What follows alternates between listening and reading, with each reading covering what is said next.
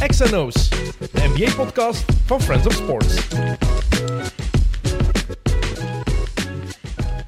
Dag iedereen, er moeten nog zo'n 20 matchen gespeeld worden in het reguliere seizoen in de NBA en het zit er alweer op en de playoffs beginnen al. Het gaat belachelijk snel. Gelukkig is er nog niet echt heel veel beslist. We kennen de drie beste ploegen in de Eastern Conference, maar tussen plaatsen 4 en 11 kan het nog alle kanten uit. In het westen zijn er twee ploegen die voorlopig vertrokken lijken met Utah en Phoenix, maar, maar wat gaat er daaronder gebeuren? Wat gaat er gebeuren met de Lakers en de Clippers? Denver is bezig aan een opmars, Dallas komt eraan. Uh, dan heb je ook nog de tanking battle tussen onder andere Minnesota, OKC, Houston. Uh, wie heb je in het oosten? Detroit natuurlijk ook.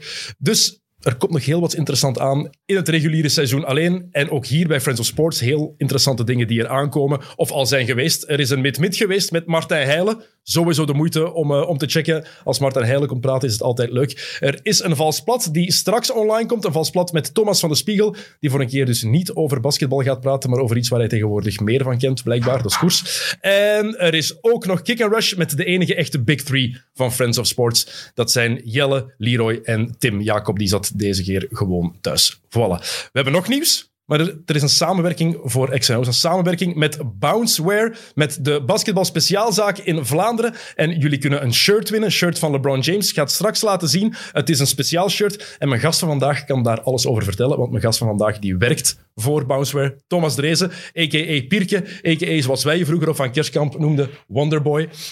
Weet je dat wij jou Wonderboy noemden? Ja, we zeiden het eigenlijk altijd in je gezicht. Hè? Toen ik een paar jaar geleden hoorde dat Luca Doncic Wonderboy werd genoemd, toen zei ik, oei, waar heb ik dat ooit uh, voor, ervoor gehoord? Dus voilà, op uh, Van Kerstkamp. We waren wel eerlijk genoeg, we deden het niet achter je rug, we zeiden gewoon in je gezicht. Ja, die hele tijd aan de vrijworplijn. Dus ik af en toe ging missen, jongens. Ik uh, kende jullie plannen wel. Ja, maar ja, dat is het probleem met jou, want op de vrijworplijn miste jij toch nooit. Pas op, behalve de bekerfinale tegen Oostende heb ik eens gemist, wat ik nooit zal vergeten. Belangrijke vrijworpen? De laatste, voor gelijk te maken. Ah, dus, voilà, ja. oh. Oei, oei, Thomas. Choken. Ja, choke. Het kan gebeuren, hè. kan gebeuren, kan gebeuren. Um, het is een mooi shirt dat we gaan weggeven, hè. Absoluut. Het is niet edition. zomaar een shirt. Nee, LeBron James City, uh, Jordan editie. Vanaf dit jaar uh, de eerste keer dat uh, Jordan op de shirtjes gedrukt staat, of dan zeggen gestikt staat. Dus uh, wel een uh, leuke editie, ja. We, gaan straks pas, we gaan straks pas zeggen wat de mensen moeten doen om dat te winnen, want anders is het gemakkelijk. Dan luisteren aan het begin van de podcast en dan haak je af. Toch zien dat we ze een klein beetje langer kunnen houden met ons gezever. Dat is een feit. maar aangezien we toch over jerseys bezig zijn, ja. en heb ik iets voor jou bij. Hola. Ja. Hola. Ja, je stuurde gisteren iets heel, iets heel vaags. Ja, ik stuurde iets heel vaags. Uh, aangezien wij uh, meestal in basketbalwereld, als we iets te vieren hebben, meestal een kader krijgen met een jersey erin of we krijgen iets speciaals, vond ik het nogal zwak van meneer Van de Spiegel dat hij eigenlijk niks bij had voor de honderdste aflevering. Dat we even niet flauw voor doen. Nu, aangezien uh, ik natuurlijk bij Bounceware werk, heb ik natuurlijk wel iets sneller een pluk. nu, de mensen die mij ook wel volgen weten dat ik een eigen project heb, dat is Drees Hoops. Ik heb, vorige week heb ik mijn workouts. Dus ik had eigenlijk de moment om wat jerseys te drukken. Dus het was het perfecte moment om uh, ja, een eigen jersey te maken voor X&O's. Oh, zalig. Dus uh, voilà, we hebben hem hier. En natuurlijk Bounceware, hè, de nieuwe partnership met mijn eigen uh, campagne. Dus uh, de 100 plus, aangezien ik vandaag niet de 100ste ben, maar vandaag wel de tweede ben. Kijk, goed, dat is fantastisch. Wow. X&O's. Dat is cool. Uh, dus voilà, heb ik hem gemaakt. Ik dacht, ja, af en toe mag je achter wel eens iets cools hangen met, van X&O's. Dus, leg hem nu, leg hem voilà. nu bij de General ik zal hem bij General Ekeren shirt, zou ik zeggen. Dan kan ik dat breken. je mag met de micro bewegen, dat is oké okay hier. Voilà. Een gast die een cadeau meeneemt, dat vind ik tof. Zeg, dat begint hier al goed Dank eigenlijk. Hè? Echt, hè? Wow. Ja, Jokken is er ook bij trouwens, voor de mensen die uh, nu horen. Ik had je nog niet voorgesteld, Jokke Wouters. Vaste waarde in de podcast. Ah, wel, Thomas, dat apprecieer ik heel hard. Oh. Vind ik heel tof. Eerste gast die een cadeau meeneemt. En wat Thomas ook zegt, Jokke, inderdaad, van de Spiegel had niks bij. Het minste wat hij had kunnen doen, is een koersfiets voor u en mij voorzien. Van X&O's. Een koersfiets, ja, dat vind ik al uh, heel hoog gegrepen. Voor, voor of een, een bidon moeten gooien, dat kan ook. Uh, nee, maar voilà, ik dacht... Uh, een bidon met bier. Voilà, Oké, okay, heel tof. Ja, dit, gaat, dit gaat een vaste waarde worden nu in ons, in ons decor. We hebben de retro-shirts, we hebben Germinal Ekeren, dat hoort erbij. En ja, dat is een vaste waarde. Ja, en we hadden nog geen zwart shirt, dus... Kijk. 102, Zero Two. Oh wel, Thomas, dikke merci man, vind ik echt heel tof. Vind ik echt heel tof. Voilà. Hoe is het met jou? Misschien dat ook eens vragen, niet onbelangrijk. Goed, gezien de omstandigheden uh, waarin we natuurlijk leven, als uh, ja, jeugdcoach is het wat moeilijk natuurlijk. Ik heb een onder 14 team, wat nu natuurlijk de helft van mijn team wel mag trainen en een deel niet mag trainen. Dus uh, dat is een uh, moeilijke situatie. Maar kijk, uh, we dealen ermee. Het is vooral nu goed voor de kinderen op deze, in deze periode, is dat je veel individueler met kinderen kan gaan werken. Mm. Hè? Wij als sport in België hebben niet de infrastructuur like andere landen, waar je met kinderen vijf keer in de week kan gaan trainen. Nee, dat is meestal twee tot drie keer in de week. Ja. en dan ga je als coach ga je ook naar je teamconcept denken. En nu is het echt een half jaar tot een jaar echt Ah, we zijn nu meer dan een jaar bezig dat we echt individueel met kinderen kunnen werken. Dus dat geeft een eindeffect voor de kinderen uh, individueel wel een, een sprong. Hè. Je gaat veel technischer werken, maar je gaat kinderen niet kunnen teachen op een basketbalsituatie. Van wat gebeurt er? Ah, wel, hoe, hoe, gebruik ik drills? Dat dacht ik ook, want het doet me heel hard denken. Ik heb vorige week een podcast gehoord waarin het ging over hoe jonge, um, vooral Amerikaanse uh, basketters opgeleid worden met het, het AAU-circuit. Ja. En dat er wordt gezegd van ja, die mannen worden zo individueel getraind. Die zijn fantastisch in one-on-ones, stepbacks, in de dribble moves die ze hebben, in hun bag met skills. Ja. Maar als het erop aankomt om echt dat, die vista te hebben, het Europese basketbal eigenlijk, zeg maar meer, mhm. dan ontbreekt dat daar. Dat is iets wat ze eigenlijk op latere leeftijd veel meer moeten kennen. Ze kunnen iemand één tegen één compleet belachelijk maken. Maar om echt die bal te laten rondgaan om te weten van ik moet nu die man aanspelen, ja, dat hebben ze veel minder. Ja, je ziet veel meer projecten nu dat echt individueel zijn. Hè? Ik, natuurlijk, mijn Drees project is ook vrij individueel. Maar wat mij belangrijk is, dat ik altijd de kinderen wel aanduid van kijk, dit is een situatie die je in dit geheel gebruikt in een wedstrijd. Want je kan uh, kinderen uh, zo'n soort van pakket gaan creëren, omdat ze eigenlijk offensief of defensief monsters worden. Maar als je ze op hoger niveau gaat plaatsen, gaan ze dat ook soms niet kunnen lezen. Waarom ik gebruik? Oké, je maakt er wel punt, spelers van die 30 punten kunnen scoren, maar een eindeffect, we gaan het er straks over hebben. Als je kijkt naar iemand like Jokic, is ook skilled, maar die kan ook in zijn situaties gebruik maken van passing of ruimtes creëren voor andere spelers. Waarom houden we zo van Luka Doncic? Ja, exact omdat hetzelfde. Die, omdat hij een basketbal-IQ heeft dat heel veel andere spelers niet hebben. En dat is wel het nadeel voor deze periode, deze, deze coronaperiode, voor, voor jonge gasten. Ja, het is een kutperiode voor mhm. bijna iedereen denk ik. Ehm, maar die jonge gasten die kunnen echt alleen maar individueel trainen. En daardoor missen zij echt wel een deel in hun, in hun ontwikkeling, denk ik. Hangt er natuurlijk vanaf op welke leeftijd. Hè? Mhm. Maar als je 13, 14 jaar bent en je begint net die stappen te zetten om verder te gaan, om, en je ontdekt bijvoorbeeld dat je echt het talent hebt om het te halen, dan mis je nu echt wel een belangrijk jaar in je ontwikkeling. Absoluut, kinderen van 17 tot 18 jaar vooral. Hè. De sprong naar de eerste teams toe, uh, dat is echt een jaartje verlies. Hè. Dat je echt opgehamerd wordt van, kijk, of een U16, de eerste keer uh, balscreen situatie is als je tweedejaars U16 bent en je moet dan U18 gaan of je gaat naar seniorenreeksen en je hebt dat een jaar moeten missen. Dat is super, super belangrijk. Dus, en niet uh, alleen offensief, ook defensief. Defensief, hè. Ja? Read and react natuurlijk, langs beide kanten. Hè. Maar dus dat is iets wat, oké, okay, er wordt wel heel veel gefocust individuele, maar mensen vergeten soms dat het spelletje gewoon van 5 tegen 5, uh, kinderen bepaalde posities ook al uit hun comfortzone halen op dat vlak, uh, wel een heel belangrijk gegeven is en dat ze dat inderdaad nu al gaan, uh, gaan missen. En los van dat ze dat aangeleerd krijgen, is het ook gewoon belangrijk om hen match te laten spelen. Tenminste, wij hebben dat zelf genoeg gemerkt vroeger. Hè? Ik heb het meeste geleerd uit wedstrijden spelen en fouten die je maakte en dingen die je daaruit leerde. Van, oké, ik had toen dat moeten doen, dat was beter geweest. Of je ziet jezelf, of ja, je ziet jezelf dingen doen die gewoon juist aanvoelen in de flow van een wedstrijd of van een training. En nu kan je dat niet doen, omdat je puur individueel werkt. Dus ik hoop dat dat voor die gasten en voor die jonge, voor die jonge meisjes trouwens ook, ja. dat dat snel verandert. Ja, ik hoop het. Ik, uh, maar ja, je weet nooit. We zijn het al een half jaar aan het hopen. Dus maar je hebt, je hebt eigenlijk twee kutsectoren hè, in deze periode. Je hebt je, met, je, met je, je basketbalproject, ja. maar ook met Bounceware. Ba Bounceware, ja. We zijn natuurlijk een eh, destination store. En uh, oké, we hebben wel een offline, of we zeggen, een, een lifestyle lijn dat mm. loopt. Maar natuurlijk, onze core business blijft natuurlijk basketbalkleding en basketbalschoenen. En inderdaad, uh, we hebben nu een half jaar, of een jaar zelfs, dat wij, moeten daar geen over doen, hè, we wat klappen krijgen op dat vlak. en nu moet er gereserveerd worden om te komen voilà. winkelen ook nog. Oké, ik denk dat wij wel een heel goed team hebben bij Bounceware qua uh, social, social, media en IT. Dus uh, dat is bij ons wel op punt. Dat als mensen aan onze winkel kunnen komen, je kan ook aan de deur komen, QR-codes. Oké, op dat vlak zijn wij wel echt met onze tijd mee. Dus mensen zijn nog altijd welkom om naar Bounceware te komen. dus dat er, uh, komen springen gewoon eens binnen, want we hebben wel of langs basketbal ook wel collecties. Mm. Soms vergeten mensen dat alleen voor basketbal te gaan. Maar ja, stel je eens voor, je hebt een kind van vijf of tot acht jaar en je gaat daar een truitje van kopen van LeBron James bijvoorbeeld en je weet niet dat ze het komende jaar gaat spelen. Die kinderen groeien eruit natuurlijk. Dus ik begrijp ook wel dat mensen en ouders ook uh, door deze crisis natuurlijk ook op een financieel vlak, uh, ik kan niet iedereen zijn eigen rekening gaan maken, uh, keuzes moeten maken. Ik ben zelfstandig, het is geen cadeau. Ik zal voilà. zo zeggen. Dus dat is ook, en wij voelen dat nu gewoon ook en wij proberen zoveel mogelijk de mensen te triggeren, ook met met acties en, en, en promos nu. Dus uh, voilà, we zijn nog altijd bij Bounceware. We, zijn heel blij als jullie binnenkomen, dus kom to Bounceware, zou ik zeggen. Precies, een Genoeg reclame, Genoeg genoeg reclame hier vandaag. Ik wil één ding tof zeggen voor Ja. ehm, de mensen die luisteren, die kinderen hebben, die ook into basket zijn. We gaan niet enkel shirts voor volwassenen weggeven. Dus er komen ook nog giveaways voor kinderen aan. Ik denk dat heel wat mensen dat wel tof gaan, gaan vinden. Afhankelijk van... Ik heb geen idee welke leeftijden er naar deze podcast luisteren. Echt geen enkel idee. Vanaf vijf jaar kunnen we... Kijk, vanaf vijf jaar kan het. En anders voor een kleine van drie is het een kleedje. Ja. Het is allemaal tof. Ehm, over de gevolgen van corona gesproken. ehm, ik heb gehoord dat eh, ze van plan zijn om in de NBA vanaf de playoffs weer volle zalen te hebben. Niet gewoon gedeeltelijk gevulde zalen, maar compleet volle zalen.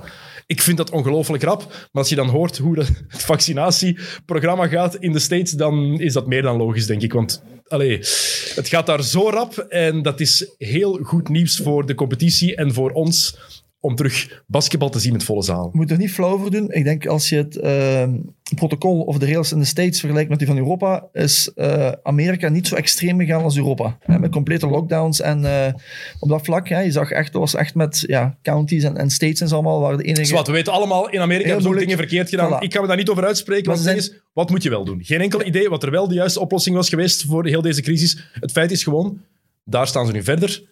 En we gaan volle zalen zien. Ja, En volle zalen voor een sport voor als basketbal. Ja, dat is wat je nodig hebt. Dat is wat je gemist hebt. En ik kijk nu heel veel matchen en elke keer... Het kost me soms wel wat moeite om erin te komen.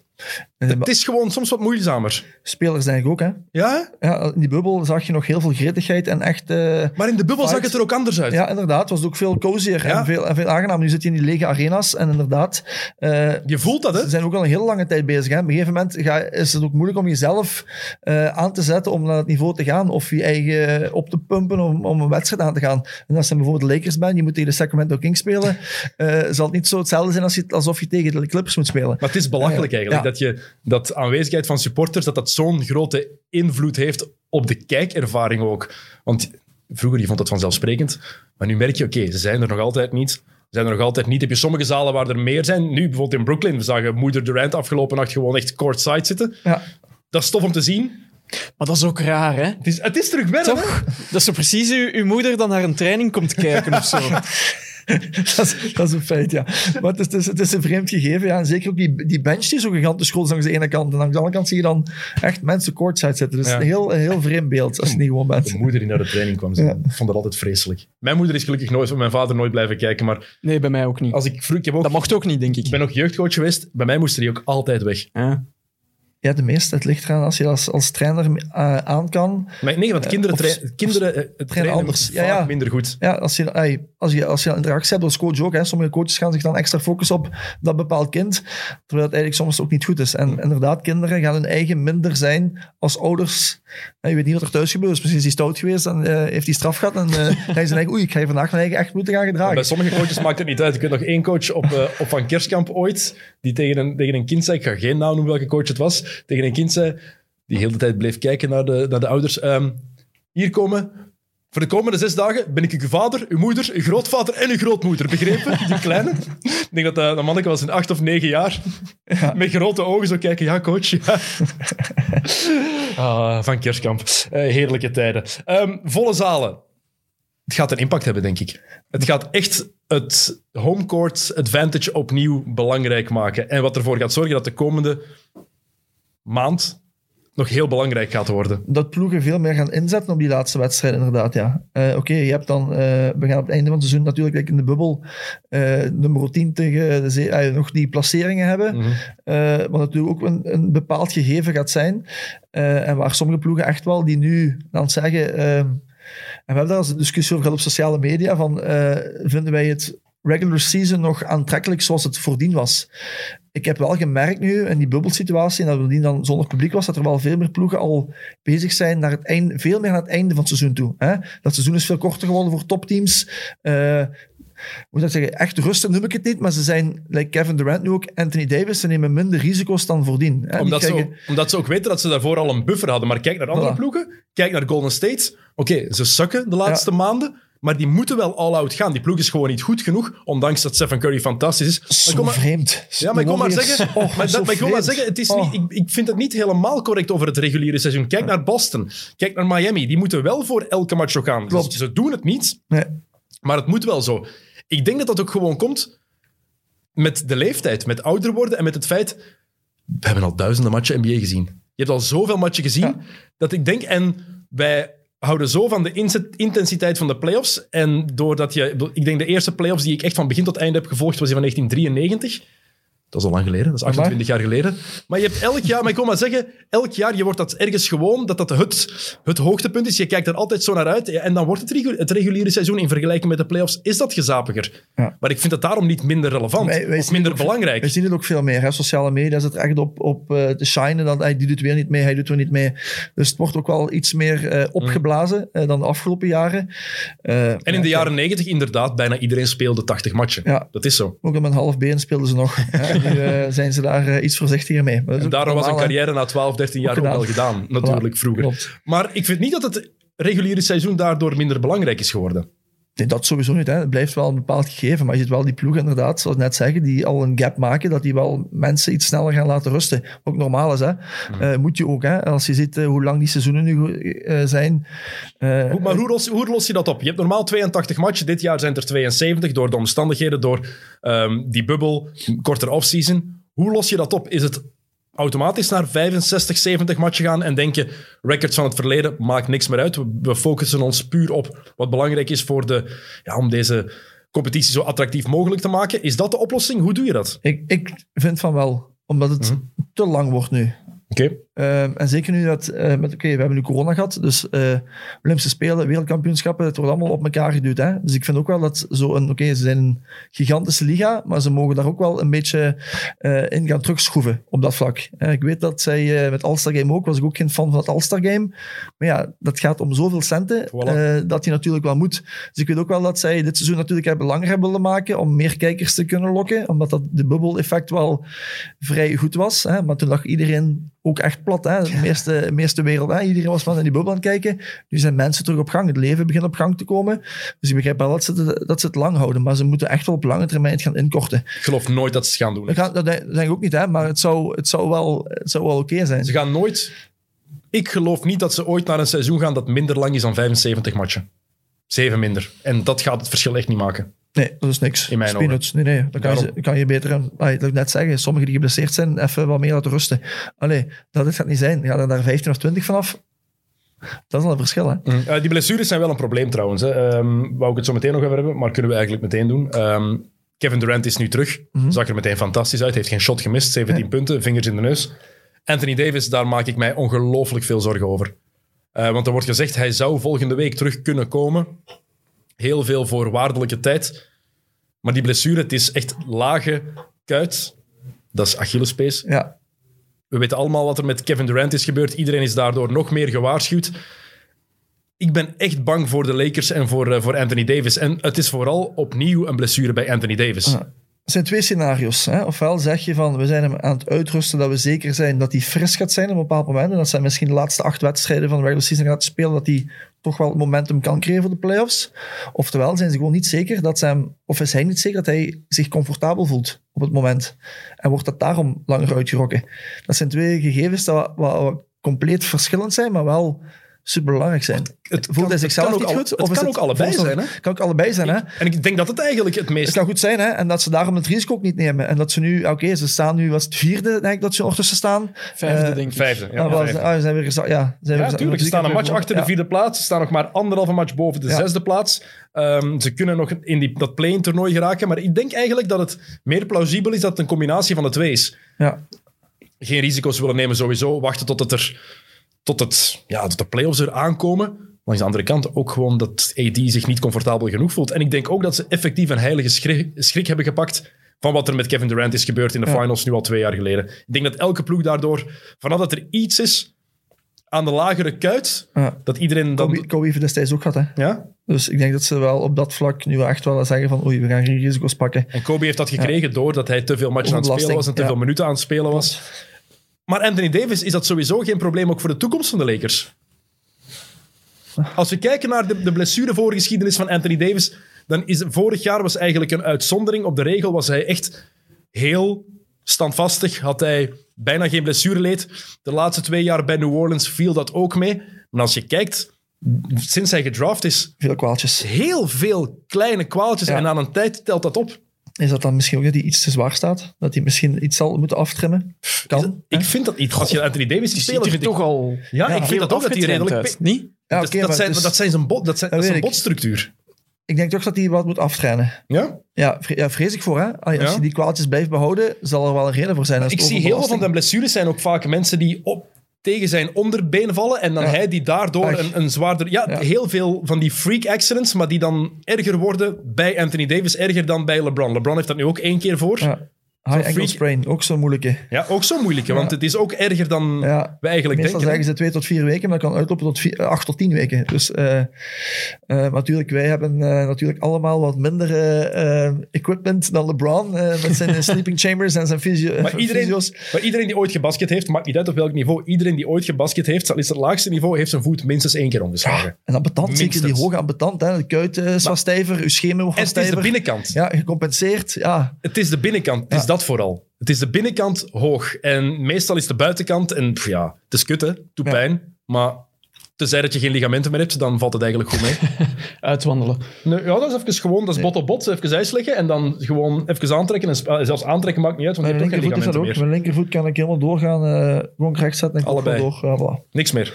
Er is echt letterlijk... hangt niks meer in mijn enkels. Dat is gewoon... Flubber flabber. Ja, ja maar dat, kijk, je leert dat wel kut op een festival. Elke keer als ik aankom op een festival, de eerste 10 minuten, ik ga altijd op mijn bakjes. Gewoon dat je, dat je, je, let niet op. En dat is daar hobbelig, hè? Even naar de basketwinkel komen hoge basketbalschoenen, goed aanstrekken en brace er rond. Die kan je zo gaan, Dennis. Ik ben meestal, als ik op de festivalweide kom, niet meer eh, in staat om te denken dat ik mijn schoenen... ik ben blij dat ik schoenen aan heb dan, Thomas. Oké. ik weet ook nooit hoe lang ik effectief op de grond blijf liggen. Het gebeurt nu eenmaal. Eh Swat, ja, de Lakers. Moeten zij zich zorgen beginnen maken om in de, in de playing games terecht te komen? Hebben nu 32 keer gewonnen, 19 keer verloren, maar Portland staat op 30 en 20. Dallas 28 en 22. Daaronder Memphis op, eh, wat is het nu, op vijf matchen. Dat is vijf matchen, maar het is ook nog maar vijf matchen. En als we afgaan op de berichten, dan kan het nog wel eens een week of drie duren, vier duren voor LeBron terug is en voor AD terug is. Ja, dat weten we helemaal niet. Als het varieert, hè, als we kijken naar de bubbel van vorig jaar, waar ze eigenlijk voordien piekten en eigenlijk heel slecht waren, was eigenlijk die bubbel deels van voorbereidingen en wedstrijden wel optimaal voor hun. Hè, ze hadden ook heel veel blessures. Rondo was dan net uitgevallen. Eh, wie was dan nog uitgevallen? Ik denk KCP was dan nog niet 100% fit. Dat heeft hun wel de tijd gegeven om op te bouwen naar hun hoogtepunt. Ehm, als LeBron en Anthony Davis nu in langere tijd nog gaan uit zijn, gaat dat misschien niet slecht zijn. Hè? Maar, oké, maar je moet wel die play-in games eventueel spelen. Het is gewoon weer een extra match. Ja. Oké, het is... Dus het principe van de play-in games dit seizoen is 7 speelt tegen 8. Mhm. 9 tegen 10, 7 tegen 8 voor wie de zevende plek mag krijgen. En dan speelt de verliezer van dat duel tegen de winnaar van het duel tussen 9 en 10. En die winnaar die mag dan uiteindelijk de achtste plek krijgen. Maar het kan dus zijn, het kan, dat de Lakers achtste worden. Dan ben je Utah of Phoenix, ben je eerste of tweede, dan kom je tegen de Lakers terecht in de eerste ronde. Ja, maar Heb je vlaggen, hè? is dat zo? Heb je dan vlaggen? Ja, ik vrees, ik vrees dan wel. Onder... Kijk, eh, Utah Phoenix, mooi teamconcept. Maar een eindeffect in een playoff-series heb je echt supersterren nodig. Dat zeiden ze zes jaar geleden ook over Golden State, toen zij voor het eerst in de playoffs stonden onder Steve Kerr. maar ja, exact uiteindelijk- zijn het al supersterren geworden. Ja, maar Had je wel een gevoel. Had je wel een gevoel. Oké, ik had je zo vragen, maar is Devin Booker een superstar? Voor mij wel. Voilà, dan heb je een superster. Phoenix. Is Chris Paul een superster? Ster. Zijn al een ster en een superster bij Phoenix, dat is al één. Bij Utah is Donovan Mitchell een superster. Ster. Geen superster. Nee, Gobert. Zo net niet. Gobert is een ster. Maar dus Phoenix wel. Ja, Phoenix wel. Als we kijken, als ik zo top 3 moet geven, eh, wat voor mij in de West vaakst ploeg is Denver, veruit. Eh, Utah daaronder. Maar Denver heeft nog altijd het individuele voordeel en talent dat iets meer primeert dan eh, Utah. Utah is te teamconcept. Maar Utah heeft wel zo'n waanzinnige defense. Team defense. Begrijp ik. Ja, maar ik denk dat dat echt wel... Het probleem is natuurlijk als LeBron en AD allebei fit zijn, Ja, waar ik dan van uitga. Ja. Dat we praten Ja. hier over, het, over wat als LeBron en AD allebei fit zijn. Hè? Ja, dan is er inderdaad niks aan te doen volgens mij. Nee. Dan wordt het... Want je kan niet LeBron... Wie ga je op LeBron zetten bij Utah? Joe Ingles? Ja, Royce O'Neal. Royce O'Neal? Gobert ga je op AD moeten zetten. Je hebt Ja. geen andere keuze. Dan heb je al een probleem, want Gobert is ook niet de mobielste. Als Nee. je een beetje midrange gaat zetten, allee. Dus daarmee dat ik, oké, Utah speelt mooi basketbal. Hè, en als we als basketbalfans over puur het teamconcept kijken, is Utah en Denver, oh, Dus jij ziet Utah eigenlijk een beetje zoals Atlanta een paar jaar geleden was. Onder Mike Budenholzer. Of hoe... ehm, like de Bucks. de, Ja, regular season de top, Bucks wel playoffs. De Bucks hebben wel Een superster, oké, die hebben een superster. Maar ik, begrijp, ik bedoel daarmee dat zij regular season top zijn, maar playoff, één keer als je in een seven series moet gaan zetten, heeft het nog altijd, is het nog altijd belangrijk dat je echt een superster hebt die kan zeggen, vandaag is mijn wedstrijd. En ze hebben er twee bij de Lakers, hè. Maar het kan natuurlijk wel zijn dat Mitchell net... Want de laatste maanden is Mitchell wel Goed, op hè. superster niveau aan Tuurlijk. het spelen. Maar het kan wel zijn dat hij net die klik heeft gemaakt. En dan, want kijk naar de playoffs vorig jaar. Oké, hij verliest met Utah in de eerste ronde tegen Denver. Mhm. Maar Donovan Mitchell was in de eerste ronde van de playoffs vorig jaar een superstar. Met een voorsprong. Hij en. Mitchell, hoe hij, hij en Murray tegen elkaar Murray was spelen gewoon waren. top, hè. Ja. Murray was gewoon Allebei. top effect gisteren. Allebei. Eh, vorig jaar, hè. Allebei. Dus Ja. daarom. Dus het kan wel dat ineens die klik gemaakt wordt. Ik zou, als ze mij vragen, zet al je geld op ofwel Lakers ofwel Utah. Ik zet ze ook op de Lakers, hè, mijn geld. Ja. Maar ergens vind ik dat, ook, vind ik dat, vind ik dat ook onrespectvol ten opzichte van Utah. Nee, ik vind... Ik, vind- je spreekt hier over LeBron James en Anthony Davis Ja. fit. En je haalt daar nu een Drummond bij. Je hebt daar ervaring als Marc Gasol. Oké, eh, over die guards, daar hebben we het al een paar keer over gehad. Ik had nog liever altijd Rondo gezien in plaats van Dennis Schroeder. Die, heeft Eh, een, die heeft een aanbod van vier jaar 80 miljoen afgewezen. Hè? ja, Omdat hij vindt dat hij meer waard is. ja. Dus, voilà. Wel- welke ploeg is zo... Ja, Ja, maar Dennis Schroeder is een, een mafkees. ja maar het is, een Ik beter, ben- Ja, ik... Ja. het is een betere basketter dan Rondo in het, regu- Nee, Dennis, nee. in het reguliere seizoen. Zeker. Geen leren seizoen en, wel. beter, en beter dan Rondo nu. Niet dan Rondo bij Boston. Ja. Maar Niet all time. Begrijp Ik heb het over nu. Hè. Nu, we praten is 2021. Waarom? Het is niet meer 2010. Hè. laten we dan de Ja, vraag dan stellen. nog. Waarom stelt LA voor om te treden voor Dennis Schroeder? Hebben ze nog niet gedaan met Rondo, hè? Omdat ze Bradley, omdat ze Bradley Beal of... Ka- ze wouden Kyle ja, Lowry, of hè? was, ik, was ik aan het zoeken? Ja, in de plaats van Kyle... Lowry- als, ze, als ze Rondo hadden en ze konden Lowry krijgen, hadden ze Rondo ook in die trade geduwd. Hier, pak hem. Hier Het is maar Ray het, is spra- het is niet te sprake gekomen, want ze weten dat Le- eindeffect... LeBron en AD hadden die allebei gewoon op hun rug gepakt, in het vliegtuig gezet. Hier, ga naar Tampa Bay. Ga. Kyle Lowry komt in de plaats. Ja, het is niet gelukt, maar... Gemiste kans. Als, die, als ze die hadden kunnen krijgen, Lowry daarbij... Oeh, voor de Lakers. geweest. Maar ja, natuurlijk, dan moet je zoveel opgeven voor van 35. Ja, het is ook, hij heeft ook maar alleen dit jaar nog. Hè. Ja. Het is Dus echt een, eh, risico. gokken. Ja, inderdaad. Maar alles is wel gokken, hè? NBA nu. Eh, het is door de regels, eh, je ziet wat de laatste maanden gebeurt met al die eh buy-outs waar heel veel eh, kritiek rond is, hè, heel veel stress rond is. Maar het is gewoon dat zij gewoon de piedels, ah, je moet het zeggen. Er zijn te veel regels gecreëerd nu door de NBA, Mhm. dat het voor sommige teams gewoon ondoenbaar is om sommige transacties Te weinig te doen. regels, die buyouts. Er is net geen regel. Dat is het net. Je mag gewoon doen wat je wil. Je mag gewoon als ploeg een onderling akkoord vinden met een speler. Hangt er vanaf wat er in de regel staat. Soms kan het nog altijd ehm, op de salary cap wegen. Zoals gebeurt bij, bij Detroit bijvoorbeeld. Blake Griffin staat nog altijd op de salary cap van de Pistons. Maar het kan ook zijn dat je regelt dat dat niet het geval is. Hangt allemaal van de afspraak af. Maar je kan als ploeg gewoon dan afspreken van oké, jij wil hier eigenlijk weg. We kopen je contract af. Het is oké. En vaak is dat niet erg. Maar er is geen regel rond. Je doet maar wat. Ja, dat, dat begrijp ik regels. Maar het is wel moeilijk om bijvoorbeeld, hè, dat is nu het laatste jaar natuurlijk heel veel gebeurd, voor wat ga ik traden? Hè, bijvoorbeeld nu Kevin Love ook wil ook getraind worden. Je hebt nu Blake Griffin, hè, die eigenlijk gigantische contracten hebben, die bijna niet trade mogelijk zijn. Hè. Welke ploegen gaan nu eh, drie spelers of, of eh, future picks eh, traden voor iemand van 31 miljoen? Ja, maar heb- ik heb daar, ah wel, daar heb ik dus 0,0 medelijden mee. Heel simpel. Geef die mensen dan niet zo'n contract. Dat weet ik, dat begrijp je ik. weet dat op voorhand. Je weet op voorhand, Blake Griffin teert op zijn, op zijn ehm, atletisch vermogen, heeft een contract voor vijf jaar. Zij hebben voor hem getrade, hè? Want hij Ja. heeft het contract gekregen van de Clippers. Dus ik vind dan Detroit, ja, dat is kut voor jullie. Leer ermee leven. Jammer. Ja. Als, je, als je iemand zoveel wil betalen, pech. Ja, dat is dan weer het nadeel voor kleinere clubs. Hè, want vroeger had hij dan... eh, Maar kleinere clubs is ook zo relatief in de NBA, hè? ja, kleine of kleinere teams. Zo, zo noemen we het. Je small, ja, maar je hebt small market, maar je krijgt voilà. nog altijd, het, het geld wordt daar nog altijd redelijk eerlijk verdiend. Ze hebben minder inkomsten van lokale media, maar je kan het niet vergelijken met bijvoorbeeld het verschil tussen een, een Real Madrid en Huesca, bijvoorbeeld in de, in de La Liga, of met ehm Anderlecht of Club Brugge en Waasland. Waasland Beveren. Bever, inderdaad. Je- ja, maar je kan dat niet vergelijken op dat vlak, omdat het eerlijker, eerlijker, niet helemaal eerlijk, maar eerlijker is in de NBA dan in het internationale voetbal bijvoorbeeld. Dat is een feit. Hè? Daar Dus- zijn we al beter eens op. Maar ik vind wel dat ehm, als je nu ziet, hè, er is een buy-out. Mhm. 1 op de 4, naar wie gaan ze? Of 1 op 3? Tuurlijk, Ik zou, top ik, zou het li- Absoluut. ik, zou, ik zou het liefst in Miami willen wonen, of in Los Angeles of in New York. Dat zijn meestal Miami, de heb je geen, conditions. Miami heb je geen state taxes. Ja, voilà, dus dat ook niet. voilà. Eh, dat is al een voordeel. Maar ja, zulke ploegen, gelijk de Lakers, Clippers, eh, je hebt de Heat. Ja, zo daar een buil is, weten zij 1 op 3. We zullen, of zijn, als vier spelers zijn, 1 op 3 hebben, we- hebben we een van de vier spelers. Mhm. Die zullen sowieso naar ons komen. Maar hoe komt dat ook? Omdat als je die spelers op dat contract neemt, wordt ook niet bij hun bijna getaxeerd. Eigenlijk zouden ze een regeling moeten doen. Ik had daar van de week een goede podcast over. Dat eigenlijk als je die spelers neemt, bijvoorbeeld nu met Drummond, 31 miljoen contract of 28 miljoen contract. Ja. Ehm, ze hebben hem nu getekend voor 800.000, hè, een miljoen, wat pff, ja, absurd is.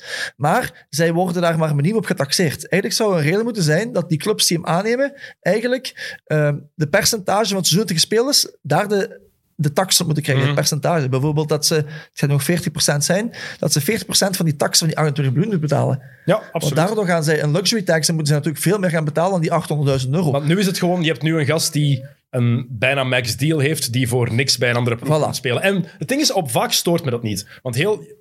Je hebt soms succesverhalen, meestal niet. Het, het PJ Brown bij is Boston is één. Game is één- 7 Cavaliers zijn de enigste vorige- Twee weken Ja, geleden heb ik het er ook over gehad hier met, met Yannick toen van PJ Brown. Die zei van de voorbeelden waar het mee gelukt is. Maar je Ja. hebt zoveel voorbeelden waar het niet mee gelukt Nee. is. Darren Williams bij Cleveland, drie jaar geleden bijvoorbeeld. Ehm, je hebt zoveel mannen waarbij het gefaald is. Maar nu zie je, oké, Drummond naar de Lakers.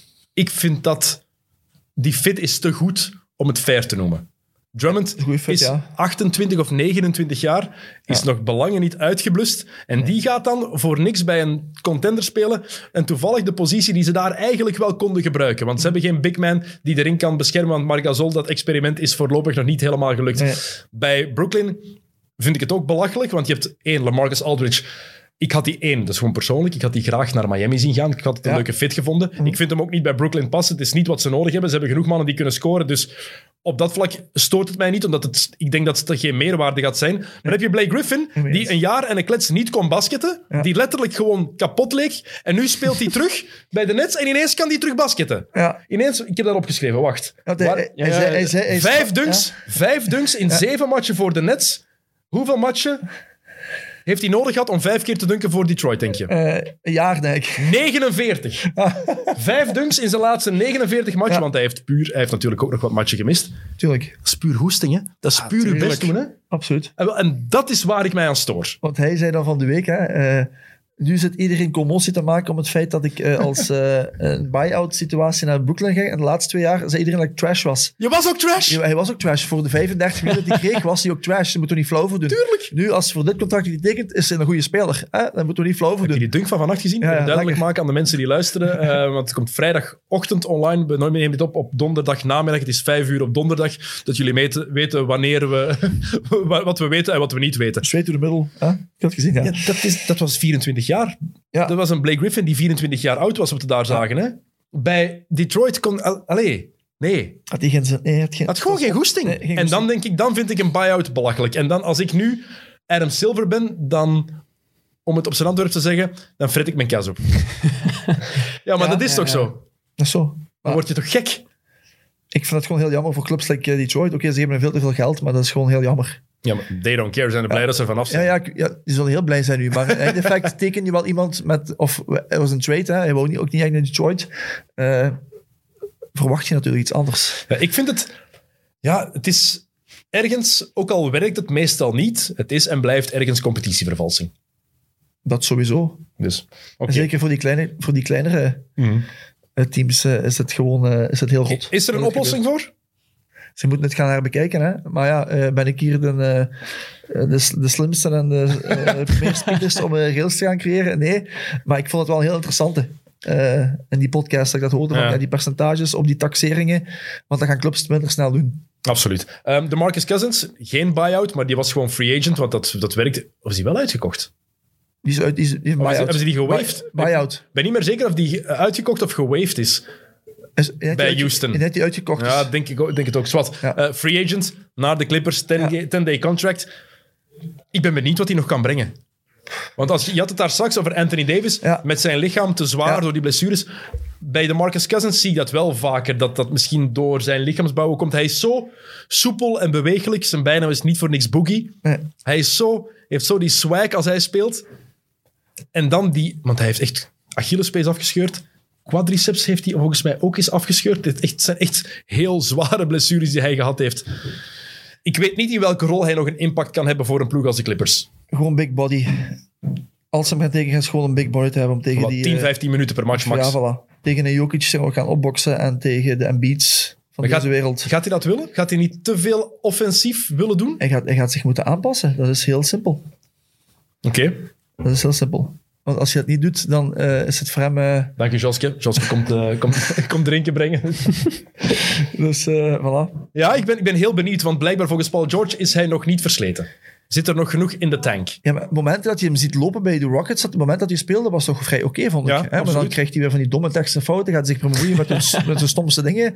Dat is oké. Houston, ja, ik, eh, ik ga nog even iets moeten zeggen. Ja, zeg, mensen. zeg het maar. In de zomer hebben we een podcast gedaan. Ik verwachtte de Houston Rockets wat hoger. eh, dus het kan soms eens mislopen hè, in het, eh, in het, eh, leven. predictions maken Daar van toen een eh, denk, dat, denk dat we daar toen een stevige discussie Ja. over hebben gehad. Hè? Maar ik- ja, potverdomme, wat zijn die Houston Rockets toch allemaal gaan doen? hè? Dat is ongelooflijk. Houston had Ben Simmons kunnen hebben. Ja, weet ik. Maar zij vonden niet dat ze daar een franchise gingen, Oké, gingen dat is één. Twee, ze hadden Caris LeVert kunnen hebben. Ja. Wat, wat, wat zei Brian Windhorst van de week? Ah ja, dan vonden ze net hetzelfde, dat hij op lange termijn niet eh, het wow-effect zou kunnen creëren om eh, de franchise op te starten. Dus dan zijn ze voor Victor Oladipo gegaan, die ze 20 matchen hebben kunnen houden en die ze nu hebben moeten wegdoen, hebben weggedaan voor een paar picks waar ze waarschijnlijk niks aan gaan hebben. They have Kelly Olynyk voor James Hey. Harden. Kelly Olynyk is fantastisch. Ja, top, top. Dat is wel een cult eh, Top. Maar nee, nee, effectief. Beste man bij Houston voorlopig. Hè? Ja, maar Houston luister. zakt, hè? Maar Kelly Olynyk... Als we terug gaan de tijd, luister. Kelly Olynyk voor James Harden. Ja, ja. Hè? En wat picks, want die picks, en je mocht daar, mensen mogen daarover zeggen wat ze willen. maar- in effect, hè, heb ik liever mensen in mijn hand op het moment zelf dan die picks. Want de We- NBA is zo moeilijk Maar geworden. we om die vergeten nooit. James Harden van OKC naar Houston voor Kevin Martin, Jeremy Lamb en een draftpick. Het is Steven Adams geworden. Goede draftpick. Ja. Sava. Maar het is James Harden. Voor die drie. Klopt. Ja, ja, maar dat is nu... Dat is Slechtste trade aller tijden. Maar dat is hetgene wat mij zo ook irriteert aan die ploegen nu. Hè? Dat traden voor die picks allemaal. Eh eindeffect, je weet niet wat je in je hand hebt. Hè? Je wordt dan misschien top 5. Dan eh, moet je opletten op die zijn resultaat. Of je moet daar. Ik heb het, en wie wel, krijg ik heb het daarvoor. Ik heb het daarvoor. Ja, en dan moet je dan keuze gaan maken. En voor hetzelfde geld haal je daar zo'n... maar die picks zijn ook assets die je kan traden. Dat weet ik. Maar ja, je mag dan niet... Hè? Dat is ook een regel. Hè? Die hebben ze dan Geen twee jaar op rij. Op rij, hè? want Ja. dat is een heel leuk verhaal. Ik van de week weer gehoord, maar ik heb zijn naam opgeschreven. Ik dacht, die naam ik vergeten. In 1980, Stiepian, de eigenaar van de Cavaliers. hè. Ja. En ik, ik, Roger Bell had het erover van de week. En die zei van, die regel is gekomen door deze man. Het was de slechtste eigenaar aller tijden. Die traden hè, topspelers voor Kelly Olynyk van de wereld, zei hij. Dus eh, negende en tiende spelers in een team, die waren dan getraind voor, voor first picks. Ja. En hij zegt, de grootste succes voor de Lakers ooit is geweest door die dommerik om te traden. En die pick werd James Worthy. Ja, eerste pick 1982. En toen hebben ze in 83 de regel, of 84 die regel verboden, dat dat niet meer mocht. Want die, die stuurde maar iedereen weg. Hè. Die stuurde een pick naar daar en die nam een tiende man. Ah, want hij vond die leuk. Ah, die heeft een, een leuk uitzien. Die pak ik ook bij. En een negende speler. Ja, zo'n people was dat, hè. Daarom de Stipien Rule. Voilà, de Stepien Roll. Stepien Roll. Voilà, ik was een naam kwijt. Ik, ga, ik dacht, ik ga het even op mijn hand schrijven. Ja, maar het is effectief zo. Ja, het is zo. En Ja. James Worthy, je had toen al Kareem en Magic in dezelfde ploeg. Je had Norm Nixon daar toen ook bij zitten. En dan kwam nog even ehm, James Worthy. James Worthy daarbij, eerste pick 82. Ja. Waarom niet, hè? Ja. Waarom niet? Ja, er zijn... Maar ik snap... Maar bijvoorbeeld nu OKC... Ja, dat is de, wat zij hebben gedaan is dan wel weer heel slim. Paul George wilde ineens weg. Ja, Westbrook, dat lukte toch niet. En sowieso, die twee samen werkten toch niet. Sinds, dat, sinds KD daar vertrokken was, was het toch om zeep. Waarom dan niet all-in gaan voor die picks en dan hopen dat je... Je moet ook maar één franchise guy kunnen draften en dan kan je met die picks beginnen schuiven en dan kan je beginnen traden en zo. Als zij nu, deze, nu de eerste pick krijgen in de komende draft en ze kunnen gaan voor een Jalen Suggs of voor een Kate Cunningham of voor een... Wie komt er ook bij? Een Jonathan Kaminga en Jalen Green. Ja, dan is dat heel interessant. Dat kunnen franchise players zijn. Ze kunnen natuurlijk ook de nummer 1 pick hebben in 2023. Kan. En Imoni Bates hebben. Imoni Bates wordt de nieuwe Kevin Durant. Imoni Bates. Onthoud die naam trouwens, die wordt fantastisch. Nu nog in high school. Ik heb die geen gast. op mijn hand schrijven. ik net gedaan Echt, die wordt, en dan in 2024 is het de klas van Mikey Williams en van LeBron James Jr. Tenzij dat ze een jaar vroeger mogen Dat begrijp uitkomen. ik. Maar je weet niet waar en wanneer je de pick mag gaan doen. Nee, maar als je er 34 hebt, maakt het geen hol uit, want je hebt er, je hebt er Ja, 34. dat, hè. be- dat begrijp ik, maar 34? ik ben toch iemand zo van... Meestal die trades zie, ik heb liever iets in de hand. Oké. Ik heb echt liever iets in de hand wat ik nu kan zien wat er gebeurt. Ik heb liever een pick, ik heb liever een pick Ja, dan Kelly Olynyk in de hand. Dat is ook waar. dat is ook weer waar. Dat is ook weer waar. Begrijp. maar daarom dat ik nu ook heel blij ben met de Sacramento Kings dit jaar. En dat is de eerste keer dat die gezegd hebben, wij zijn eigenlijk blij met wat we nu hebben. En we willen daar eigenlijk de komende jaren iets meer rond gaan bouwen. Ja, dat is dom. Hebben- is dat dom? Nee, nee, het Ik- is gewoon dom dat wat ze hebben eigenlijk niet fantastisch goed werkt. Daarom vind ik Ja, het dom. nee. Ja, je hebt Halliburton, eh, die dan... Halliburton werkt, Ja, Fox is ja, goed. die passen heel goed samen. Je hebt dan Banks, die ze, eh, ze hebben, eh, sorry, Harrison Barnes die ze wilden traden. Ehm, oké, je, hebt daar wel- ja, je hebt daar wel een core die oké is. Oké, misschien een andere coach, ik weet niet. Hè? Weet je wie ze daar ook hadden kunnen hebben? Zeg je eens. Luka Doncic. Als ze niet Ja, van, dat Marvin, weet ik, als ze niet van Marvin Bagley waren Ja, oké. I know. Maar het is wel oké, want dat is, dat is een ploeg dat nu al een paar keer gezegd hebben, we gaan het helemaal overboord en we gaan iets nieuws starten. En nu hebben ze gezegd van, kijk, we gaan het even behouden, het is wel oké. en we gaan zien wat we de komende tijd naar het einde van het seizoen toe gaan kijken, wat hebben we gedaan. Misschien op het einde van het seizoen even eh, zien eh, wat wij gepresteerd hebben en daar veranderingen in te gaan brengen. Luke Walton blijft daar niet. Hè. Luke Dat denk ik ook niet. Nee, Ik denk, ik ik, vind denk, ook maar ik niet. denk dat ze die dit seizoen gaan laten uitdoen. En dan is het gedaan voor hem. Ehm, ik was overtuigd van Marvin Bagley in college. Ik dacht echt, ja, maar die gast, met alle respect.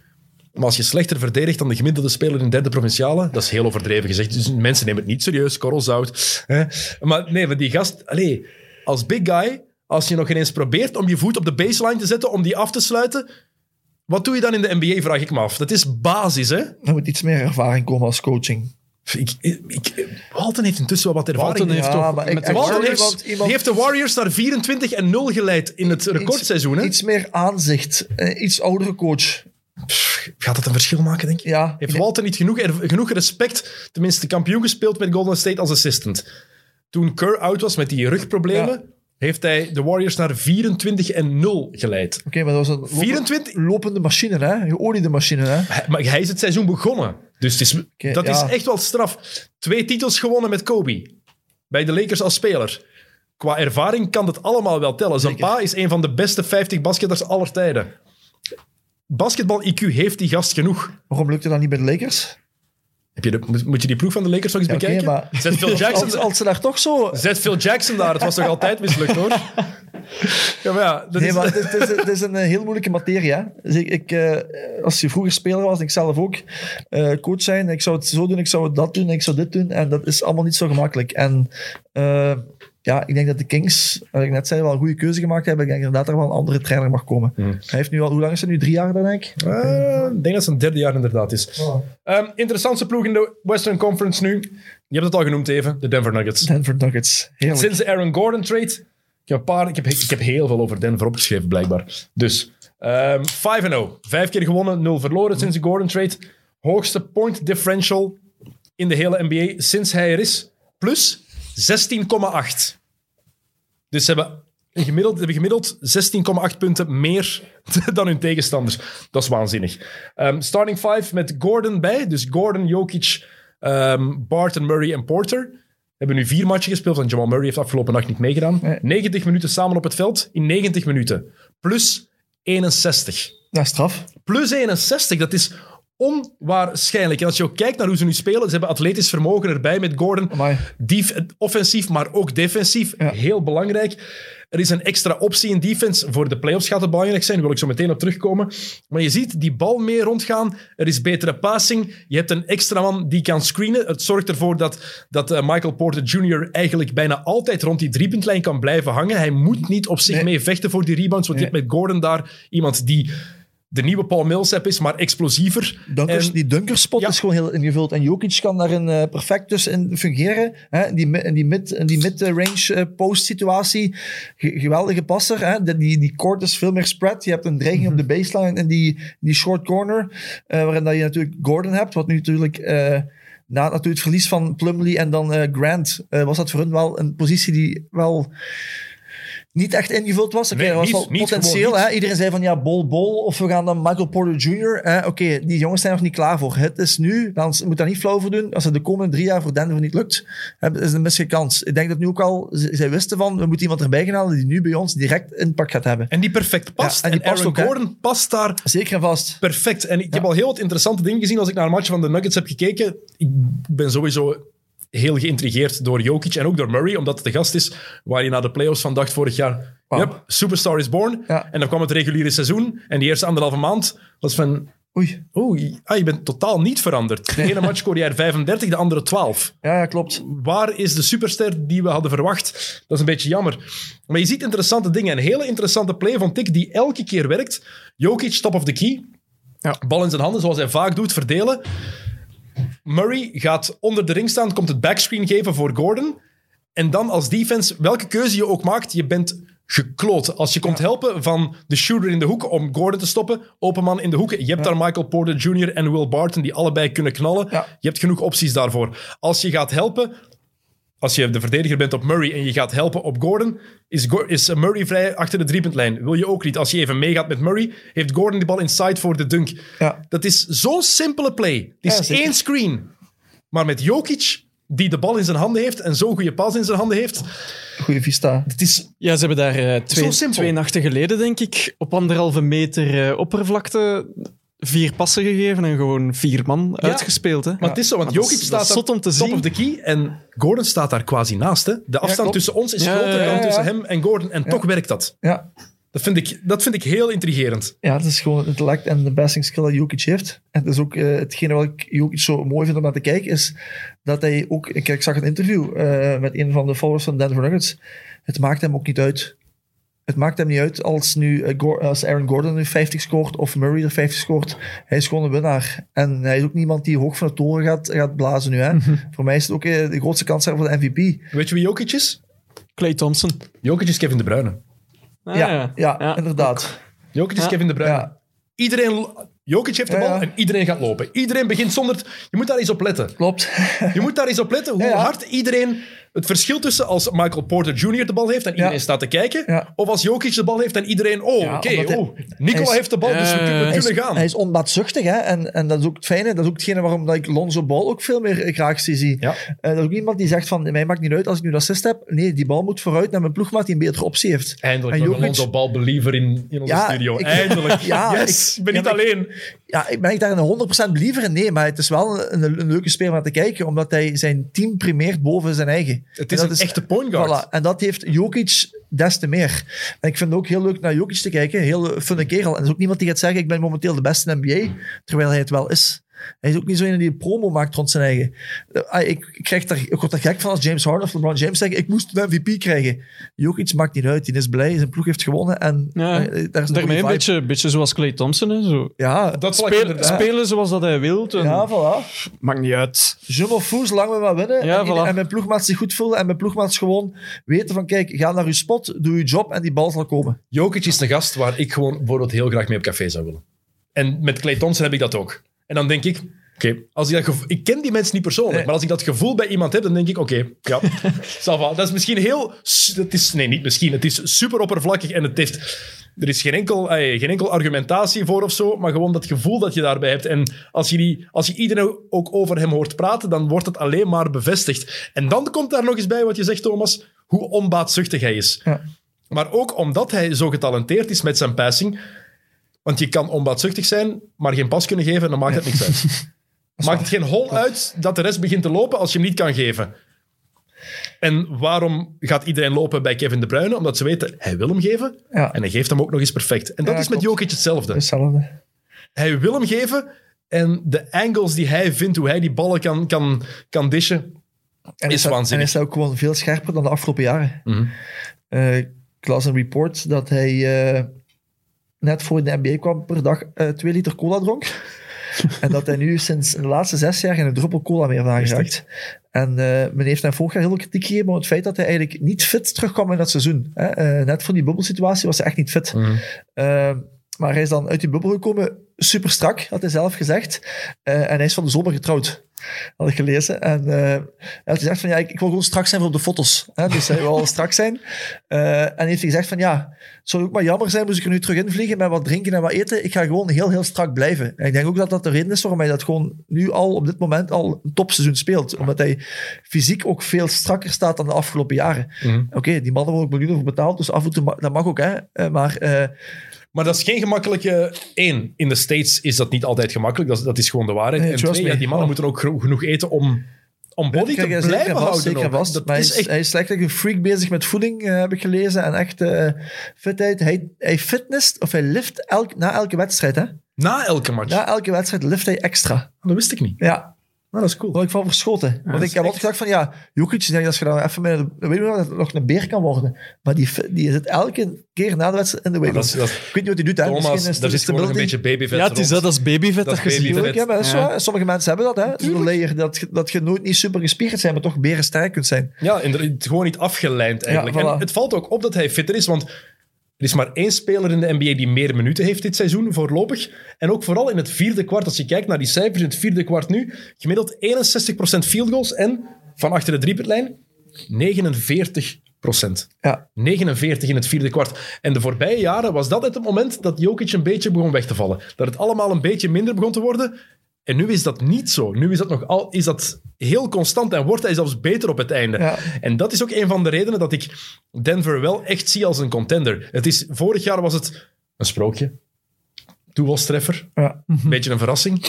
Dit jaar denk ik, iedereen moet rekening houden met de Nuggets. Er is maar één matchup die hen slecht ligt en dat zijn de Lakers. Ja, maar ik denk ook dat ook een van de redenen waarom hij fit gebleven is, met hij vorig jaar ook gezien heeft, dat het fysieke aspect bij de Lakers hem op momenten moeilijker voor hem was.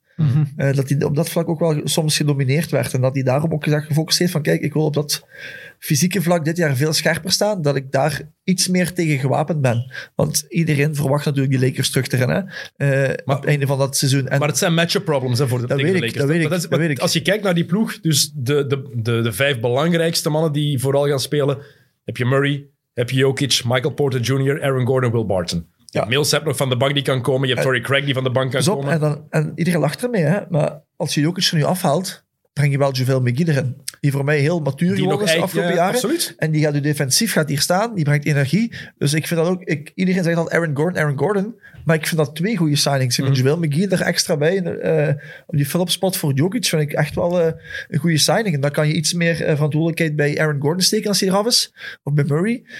Daar is echt veel meer mogelijkheden. En je hebt die veteraan in Millsap, hè, waar Mi- Michael Malone een enorme fan van is. Maar hoe ga je LeBron en Anthony Davis verdedigen? Dat als je de Ja, Denver Nuggets bent. En daar hebben ze nog geen antwoord Nee, op. Dat wordt echt je- een teamconcept, hè? Oké, Ja, we hebben het over teamconcept, hè? maar ze hebben wel iets meer, hè, we hadden straks over Utah, defensief concept. Ze hebben wel iets meer pieces fysiek om dat nu wel te gaan coveren. Want je kan een Aaron Gordon tegen LeBron zetten. Ja, gaat hem nooit kunnen stoppen, maar je kan hem er tegen zetten. Michael Porter Jr. zou dat moeten kunnen. Want ik heb, al, ik heb op, op Twitter nog een discussie met iemand daarover gehad. Michael Porter Jr. Hij zegt, hij, heeft, hij is eh, te groot om deftig op een wing te kunnen verdedigen en niet sterk genoeg om onder de borden te kunnen verdedigen. En ik ben het daar compleet mee oneens. Michael Porter Jr. heeft alle fysieke kwaliteiten om een van de beste verdedigers van de wereld te worden. Is 6 foot 10, ja. ik denk dat hij 115, 110, 115 kilo weegt. Is mobiel genoeg. En ja, heeft hij rugproblemen gehad. Maar als je offensief die sidesteps zo kan doen. En als je zo die eurosteps hebt. En als je zo lateraal kan bewegen. Is er geen enkel excuus om dat in defense ook niet te kunnen. Ja. Hij kan dat. Defense is 85% effort. ja. Het helpt om een hoger IQ te hebben, dingen te leren. Ervaring helpt daarin, absoluut. Je wordt een slimmere verdediger. Kijk naar Kobe. In zijn eerste twee, drie jaar in de league was geen goede verdediger. Is helemaal veranderd naar een van de beste verdedigers aller tijden. Dus je, je leert dat inderdaad. Dat helpt. Niet iedereen gaat dat hebben. Niet iedereen kan dat ook hebben. Maar het is ook kwestie van defensief meer te willen doen dan enkel op je offense te focussen. Dat is gewoon de waarheid. En ik denk als Michael Porter Jr. die klik helemaal kan maken, want hij is er al in gebeterd, hij is er al in verbeterd in de loop van het seizoen. Maar ik denk dat dat wel een wapen kan zijn. Maar op dit moment kunnen ze die allebei niet stoppen. Want Jokic tegen Davis, als Frank Vogel dan slim is en hij speelt met Davis op de vijf, ja, dan, dan, oeh, dan gaat Denver afzien. Zeker Echt? vast. Maar Michael Porter Jr., het is een eh, gegeven dat rond hem hangt nu. Hè? Er is heel veel eh, focus op zijn defensief werk. Eh, ik zag van de week dan Michael Malone, hè, omdat ik nu ook Denver wat meer volg, omdat het natuurlijk een heel leuke ploeg is. Hè, met natuurlijk niet te vergeten op mijn grote vriend Capazzo. Heerlijk om naar te kijken. eh, eh, Wat een top, held. heerlijk. Wat een held. Eh, maar eh, Zou, zou die na elke match een sigaretje roken? Of? geen idee. Ik denk wel van die, Argent hoe noemen ze, van die Argentijnse thee, van die potjes heel langs uh, na de wedstrijd van die, die thee. Ik, ik kan er komen. Al die voetballers hebben het altijd bij. Maar, maar, eh, ik- het is, maar het past er toch bij? Ik- Heerlijk, Na heerlijk. elke match een goede groene Michel. En een Hey, stek. hey, gelijk hier van de week, gelijk van de week eh in de wit wit uh, patje god zei van die sportsigaretten. Voilà. Een goede sportzafje. Een goede mental. Hè? Een goede mental. Oh, maar nee, dat mag niet meer. Nee, hier mag dat niet meer. nee. Misschien daar nog wel. Kapot lachen. Nee, maar eh, Michael Porter Jr., hij wordt, krijgt heel veel kritiek. En voor het seizoen werd ook vragen gesteld van, wat is dat defensief aspect van u? En hij, Ja. was, er, hij was er heel door gepikeerd.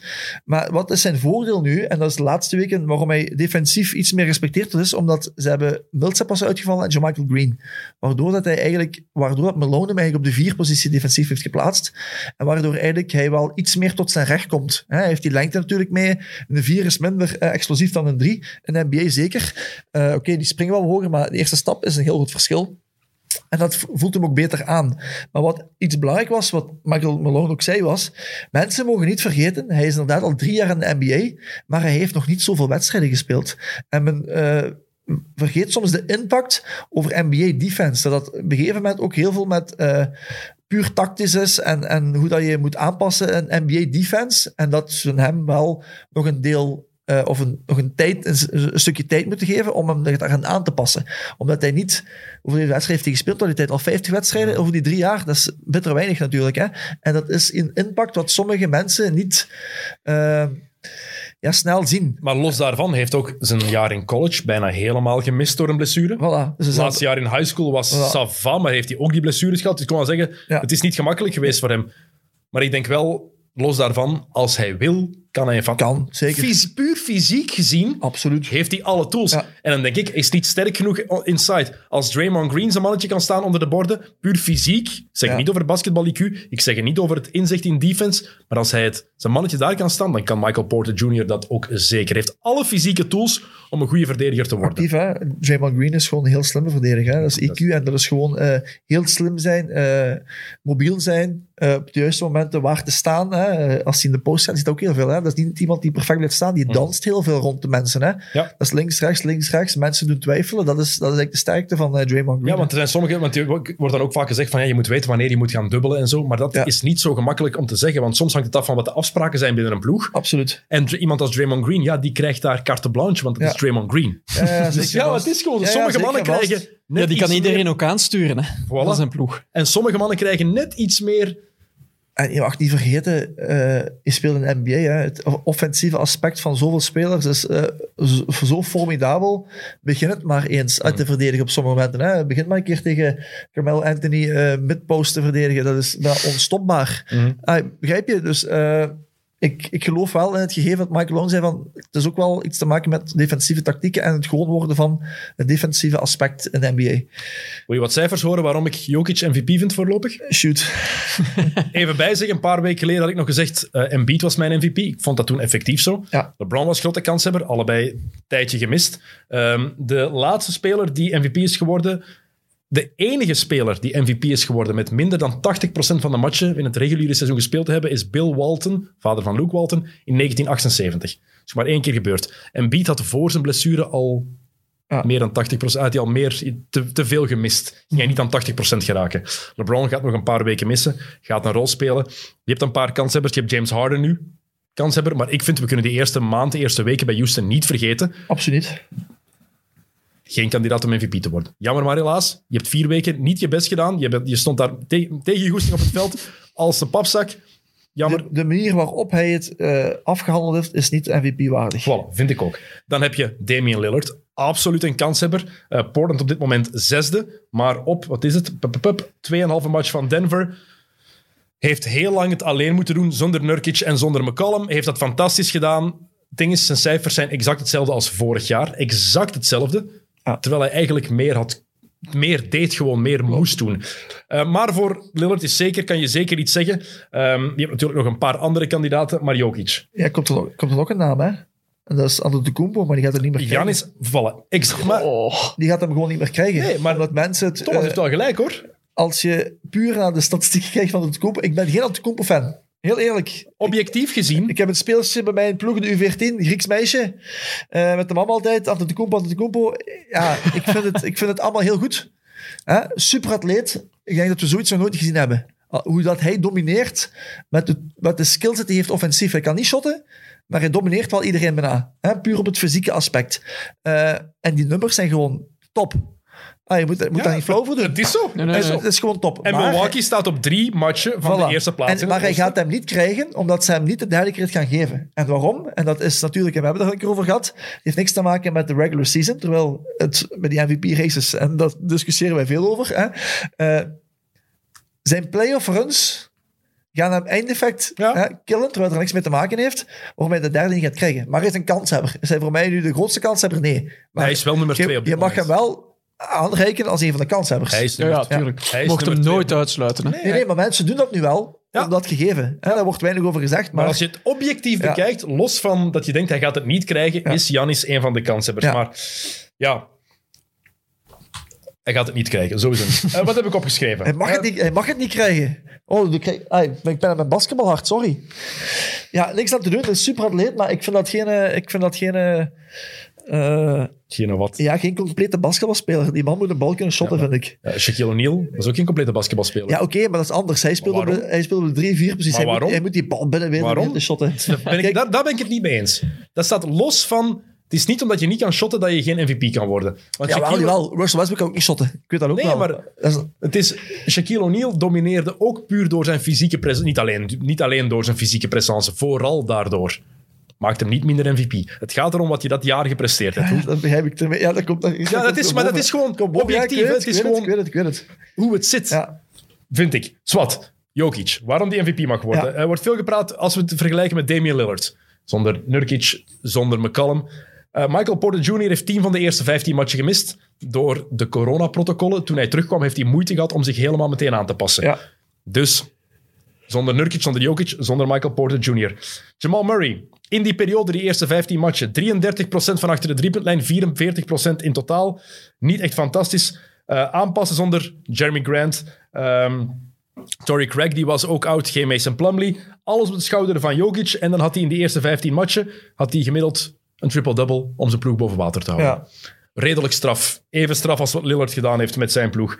Eh, sindsdien, sinds iedereen terug is, heeft Denver twee derde van de matchen gewonnen. Jokic 27 punten, 11 assists, 8,5 rebounds. Gemiddeld 57% field goal percentage, 43% van achter de driepuntlijn. Dat is een big guy, hè? Ja, ja. 43%. Ik hoor heel vaak zo vragen van mijn voetbalcollega's. "Wow, als je maar 40% van achter de driepuntlijn shot, zoveel is dat toch niet? Maar is hij, is hij niet leider van zijn ploeg in alle... In, voilà. Ja, voor alle Volgende, je zegt het al. Dankjewel, Jokke. Leidt zijn ploeg in punten, rebounds, assists, steals, field goal percentage, drie punt field goal percentage, vrijworppercentage, minuten, PER en assist percentage. Dat ook nog eens. Een van de beste zes plus-minus ooit. Ooit. Niet dit seizoen, hè?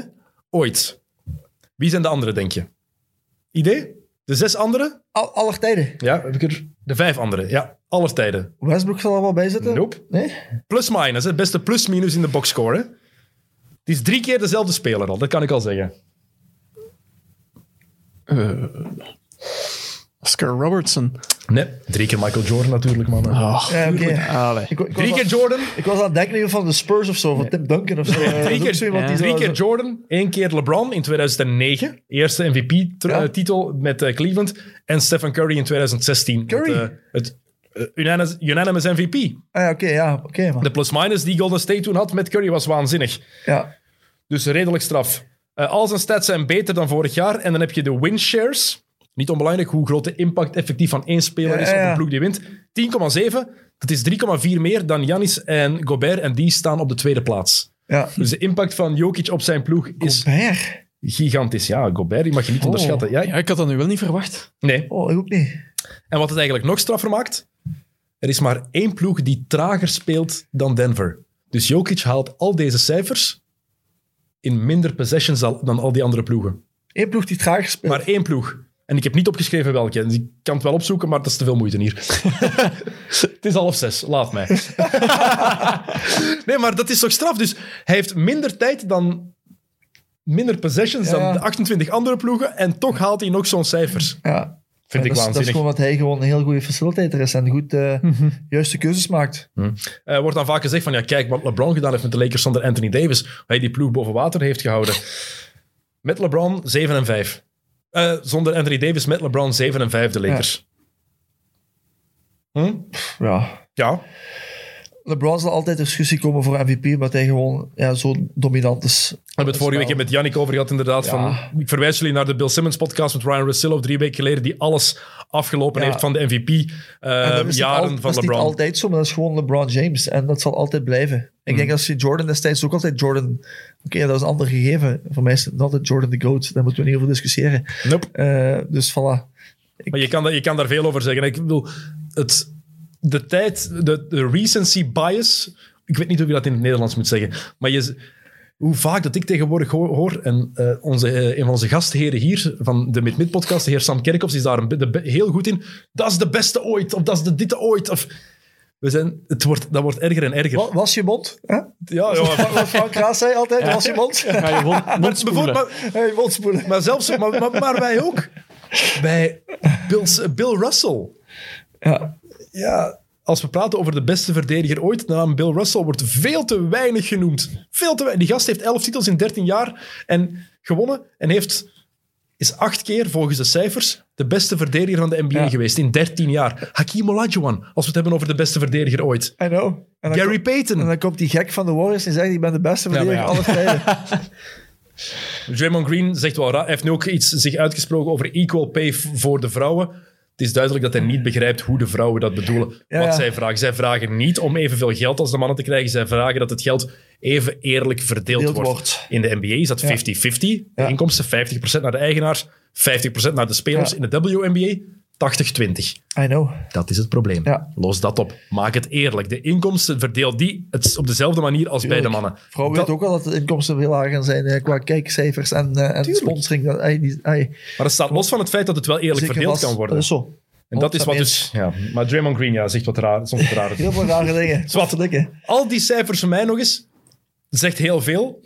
Maar wat mij nog het meeste duidelijk maakt dat Jokic MVP is, is kijk naar vijf matchen van de Denver Nuggets en naar de impact die die gast op die ploeg Voilà, heeft. dat is hetgeen wat ik daar straks ook wou zeggen. Hè. Eh, mensen zeggen wel allemaal die, die cijfers en ze hebben het over de Jannissen en over de James Hardens met eh, geweldige acties door de benen achter de rug, eh, dunk hier, dunk daar. Maar als je gewoon puur en echt mensen, kijk eens naar wedstrijden van de Nuggets. Eh, gewoon echte impact. En dat heeft te maken met eh, zijn spacing, zijn eerste pas of zijn tweede pas, de keuze die je maakt van kijk, die situatie gaat gebeuren, geef de bal eerst aan de 45, want die bal gaat toch inside voor een score van iemand Ja. anders. Is de helft van de tijd ook zijn assist niet. Maar het is wel de situaties op voorhand leren lezen en de juiste keuzes maken. Hoe patient dat hij is, hoeveel rust dat hij uitstraalt. De bal gaat in de midpost. Oef, Kijken. Hup, dat is niet super snel, hè, maar dat is gewoon... Hup, mijn, mijn ploegmaat doet dit, ik ga die actie doen. Hè, op- dat is opvolgende acties, daar straks over. Hè. Het gewoon, de ploegmaat ze weten, zodra je de bal heeft, ik moet mijn job doen. 100% uitvoeren, want ik weet als ik het 100% uitvoer, is waarschijnlijk 8 op 9 de kans dat de bal misschien bij me komt. Hè? En Ja. met Gordon straks ook. Agressief in die dunkerspot gaan, onder de ring, die bal door de ring rammen. En ja, heel simpel. Dat lijkt- klinkt allemaal heel simpel, maar dat creëert hij wel voor zijn ploegmaats. Mhm. Maar Ja. ik heb daar straks gezegd, wat zijn enigste probleem gaat zijn om echt die MVP te worden en dat ze hem echt gaan... Echte basketbalfans zien dat, hè, voor mensen die het echt volgen. Maar om echt die hype te gaan creëren, gaat, gaan ze hem toch wel iets meer als Denver zijnde moeten gaan profileren als MVP. Want dat is, dat is soms ook het probleem in de NBA, hè.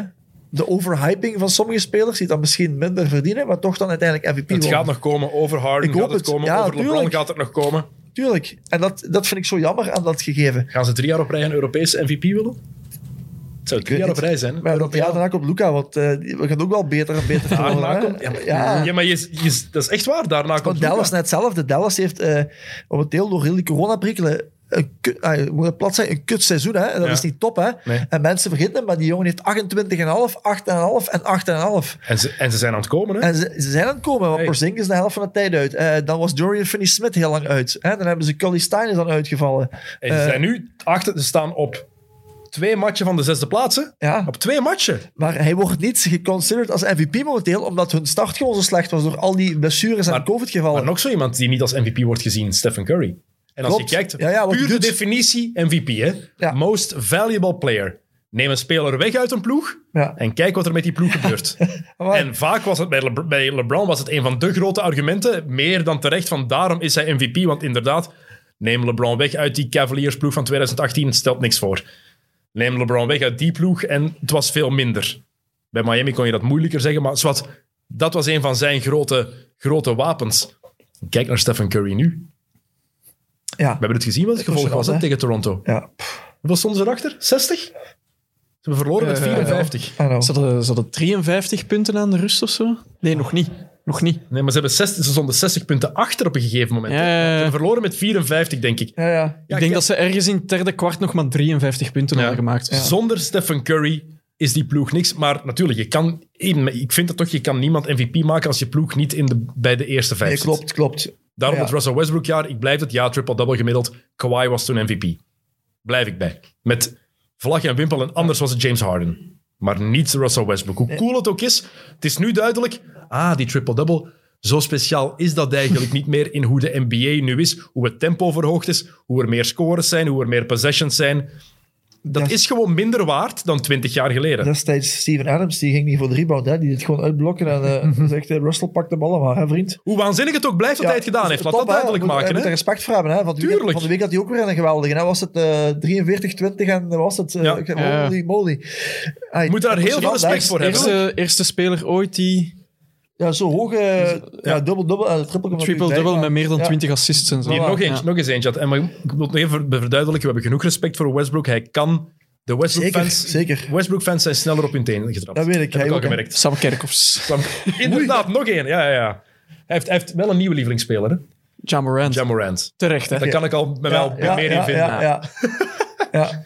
Maar ja, kijk, Beetje dat, cocky, maar I like it. Ja, maar dat mag. Sa- hè. Sam, dat mag. Sam is mijn United supporter, Anderlecht supporter, Ajax supporter. Dat is terecht, Ajax. Ja, Ik ben zo opgegroeid, dus allee, kijk. Maar goed, is dat is een onderwerp waar we het niet over gaan hebben. Over.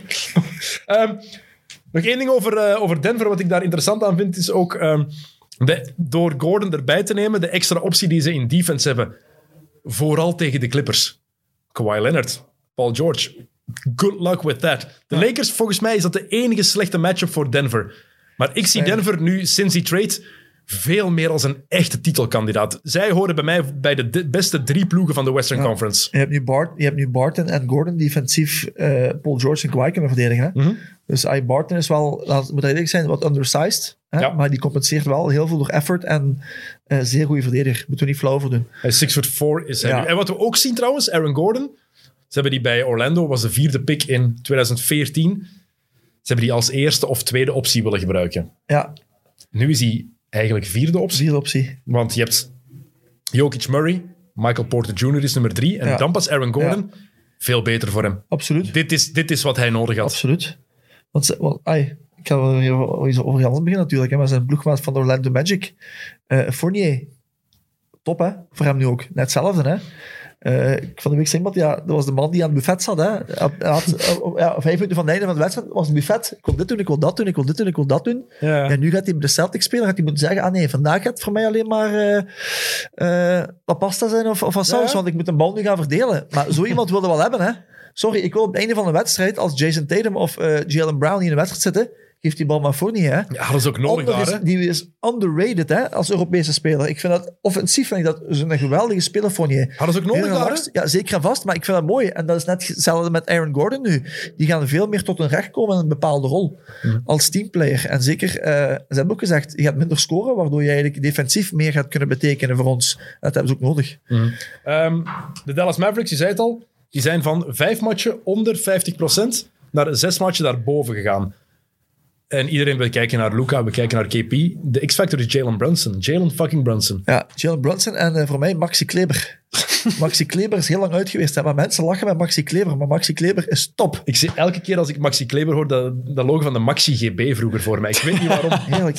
ja, maar ik, ik, eh, de crush zou ik niet zeggen, maar waarom ik Maxi Kleber top vind, is omdat Maxi Kleber mij op de allerbeste poster aller tijden gezet heeft. Wat? Ja, maar ik ben geposterized door Maxi Kleber. Ver- vertel. Is het? In, in Ja, Duitsland denk- dan? Nee, ik denk, we waren eh 2015, nee, 2015, 16, speelden we met Okapi Aalst een eh, internationaal toernooi in Engeland, eh, bij de Leicester Riders. En we moesten tegen Boomboes spelen, dus lab eh, Spaanse liga. Ja. En daar speelde Maxi Kleber. Maar ik, ik ken natuurlijk al, omdat ik destijds ook in Duits gespeeld had. Hè, een beetje opvolging van de Duitse competities. En op een gegeven moment, ja, het gebeurt dus. Hè, situatie, ik denk een slecht shot van, van ons. En ik sta nog zo half in transitie aan de driepunt- ah, driepuntlijn. Ik was de eerste natuurlijk achteruit. Ja, en ik, ik zie die bal wegtikken en ik zie die komen natuurlijk. Hè. Ik denk dat hem net, binnen de, net voorbij de vrijplein omhoog ging. Oké, dus, vertellen, dus één hand- heeft u los in fast break eh, Los in de Los. Oké, ik dacht pick and los roll of zo. snoelwerk. eh. Pas op, ik, eh, mensen zeggen, dat Andres een anti-verdediger. Eh, geen verdediger, maar sorry, als je ziet komen... Ja, ik ben twee keer geposterized. Dat is door eh, eh, Maxi Kleber en Jonas Jerebko. Echt? Ja, Maar was, wanneer was dat? U20 nationaal ploeg Jerebko. Ook los de Ah, oké. Ja. Ja, dat zijn nu wel twee namen. Kijk, is- hij zegt het zelf eerlijk. Thomas Dreesen verdedigde niet graag daarom dat ik, als ik zeg 85% effort en hij geeft dat toe, dan weet ik, ik heb gelijk. Ja, ja, Want maar hij- ik ging niet te veel op dat defensieve aspect in. eh eh, dat weten we al te goed. eh, als we over een balshot eh, te praten van. twee dus keer oké. geposter, ik ben één keer geposterized Ja. in al die jaren. Maar echt die van Kleber. Ho, ho, ho. Jean-Marc Wema. En Wema? Toen hij nog bij Sint-Jan speelde, Ja. tweede klasse. Wij speelden daar tegen toen. Wij waren, speelden toen in tweede landelijke. En net daarvoor had ik zo'n zo'n passfake gedaan over Jean-Marc zijn hoofd. En hij had zich helemaal omgedraaid. Oh. En ik dacht, dan, ja, maar Jean-Marc, ja, wij kennen elkaar van, van op kamp al Ja, ja. jaren, van toen hij klein was. En toen een gegeven moment was die alleen Je hebt hem dan binnengeschot, of? Ik heb dat pas gegeven toen, denk ik. Ik weet het niet. Ik weet het echt. Ja, het was... Ik weet ook niet hoe dat je je acties moet afwerken. Hè? Ik was zo, ik was zo in avond... Ah, die heeft zich effectief omgedraaid. Swat. Dat er zeiden, daarna was hij alleen weg. Ja. Ik dacht... De Jean. Nee, ik ga erachter, want ja, je kent die ook. Hè, dat is tof. ja. en je speelt dus tegen een tweede klasse. Dat is kei tof. Ik ga erachter, mee. Ik spring mee. Ik had een bal. Echt waar. Ik had hem helemaal in mijn handen. Hè. Nee, is veilig. Ik voelde hem. Hè. Nee, hij was gewoon sterker. Je hebt hem mee Veel sterker. Hè? Je hebt hem mee binnengeduwd. Oh, dat was pijnlijk. Zeg. Ja. Daar is geen meer ring door. Ja. Ik heb chance, ik blijf gewoon staan. Ik, ja, ja. Nee, ik was zo'n idioot die dacht, ik kan wel meespringen met die kerel. Nee, nee, nee, oh, nee, jongen, nee. echt. was de eerste reality check. Ik dacht van, ja, het was duidelijk van, oké... Goeie beslissing, Sayed, goede beslissing. Eh, ik moet je mij trouwens ook verontschuldigen bij jou. Jij hebt je verontschuldigd voor Houston. Killian Hayes. Told you. Ja, absoluut. Nu, rookies, ik vind dat we daar te snel over Ja. oordelen, over 19 en 20-jarigen. Ik vind dat je daar eigenlijk pas over kan oordelen als ze 4, 25 zijn. En we een deftige sample size hebben. Daarom DeAndre Ayton, Marvin Bagley. We kunnen daar iets over zeggen, maar ik ben daar altijd heel voorzichtig over, omdat je gewoon... Kijk naar Victor Oladipo. Heeft ook vier jaar geduurd voor hij effectief... Nodig was hij, ja, Daarom. inderdaad. Dus, en Killian Hayes heeft een stevige blessure gehad. Maar de weken dat hij wel speelde, in het begin trok het op geen hol. Nee. Ik kan het niet anders zeggen dan dat. Het was vreselijk slecht. Nee, ik had toen gezegd van die Duitse competitie. Ja, je zag hem echt met ups en downs momenten spelen. En dan ben je nog niet klaar. Hè. Je kan dat nu zien aan, aan het Europese basketbal, wat natuurlijk heel op tv komt nu. Hè, want je kan volgens op, eh, op het internet natuurlijk. Zag ik hem gewoon heel veel aan het werk, omdat ik natuurlijk Ja. al verleden had met Oelem. En ik, ik had wel een gevoel van, dit is te snel. Oké, die jongen heeft het potentieel om het nadien waarschijnlijk te gaan maken met twee, drie jaar, maar het was toch te rap. Mhm. Maar ja, kijk, eh, En ik denk ook dat- niet de meest gezellige ploeg om bij te Ah, spelen. wel, hè. ik denk dat Detroit niet de juiste omgeving voor hem is. Om effectief, Nee. zet, zet die bij Golden State, zet die bij, zelfs bij Washington onder Russell Westbrook, Of- onder deftige guidance, deftige Ja, begeleiding. Een goede club met een goede, met een goede staff en, en een oké team. Hè. Like met de Spurs of zo zou je ook heel veel leren. Hè. Jong team. Ja, je bij, de, bij de Spurs was coaches. ze superster geworden. Dat weet ik, maar... ja, maar nee, ik bedoel gewoon Europees geschoold. eh er is iets meer feeling, hè. Maar ja, we moeten niet flauw voor doen. Absoluut. Ik heb nog een paar dingen opgeschreven. Ja, De Hornets hebben LaMelo Ball out for the rest of the season met die polsblessure. Nu ook vier weken zonder Gordon Hayward. Jammer. jammer. Ja, ja, voilà. Echt. Samen. Spijtig, Ja. man. Wat een, wat een toffe ploeg was dat. Ja. En nu zijn ze nog altijd... Ze, ze hebben gewonnen zonder Hayward weer. hè. 26 en 24. Ja. Vierde in het oosten. Maar in het oosten, als je dat ook vergelijkt... Het verschil tussen plaatsen 4 en Gigantisch, hè. 11 is 4,5. Niks. 4,5 een match maar. Het is Ah, bijna... echt? Oké. Ja, het is... Hoor, ik zal, ik zal even overlopen. Ah, dus je hebt, dus, dus 1, 2 en dan 3 1, 2 en naar 3 4. zijn- 3 1, naar 2 4 en is 3 al, hè. zijn- Ja, voilà. dus je hebt 1, 2 en 3 Brooklyn, Philadelphia en Milwaukee. En tussen M- Milwaukee en Charlotte zes matchen verschil. Dan heb je Charlotte 26-24, Atlanta 27-25. Ja, de Hawks zijn vijfde. Miami 26-25. Boston 26-26. New York 25-27. Indiana 23-27. En dan Chicago 21-28. Het ligt zo dicht bij elkaar. Nu Charlotte, ik denk ook dat de playoffs nu zonder LaMelo Ball niet echt een cadeau Nee. zijn voor hen. Maar gewoon de energie en de, en de vibe dat zij hadden dit seizoen was gewoon heerlijk om te zien. Heel aanstekelijk. En natuurlijk, als, eh, als jullie NBA-kijkers zijn en je hoort eh, de commentatoren van de Charlotte Hornets, dan krijg je ze. En dan krijg je ze nog meer. Dan heb, heb ik zelfs zin om een sloeven laten doen. Er zijn veel lokale commentatoren die niet goed zijn. Die Top. van de Hornets zijn fantastisch. Top. Zo'n energie. Wat die mannen soms uitschrijven, dat wil je niet weten. Vannacht was het weer zo. Miles Ah, Bridges die trekt er weer een bal door, zoals hij duizend keer op, eh, op het seizoen al Ja. gedaan heeft. En iedereen, je hoorde al klaar. Ja, Ja. Miles Bridges. Oh, ja, fantastisch. heerlijk, heerlijke commentatoren. Dus zeker als, eh, als jullie tijd hebben, naar de Hornets, zeker kijken. Absoluut. Eh, Isaiah Thomas is terug bij de Pelicans. Goed. 10-day contract. Hij zegt zelf dat hij 102% is.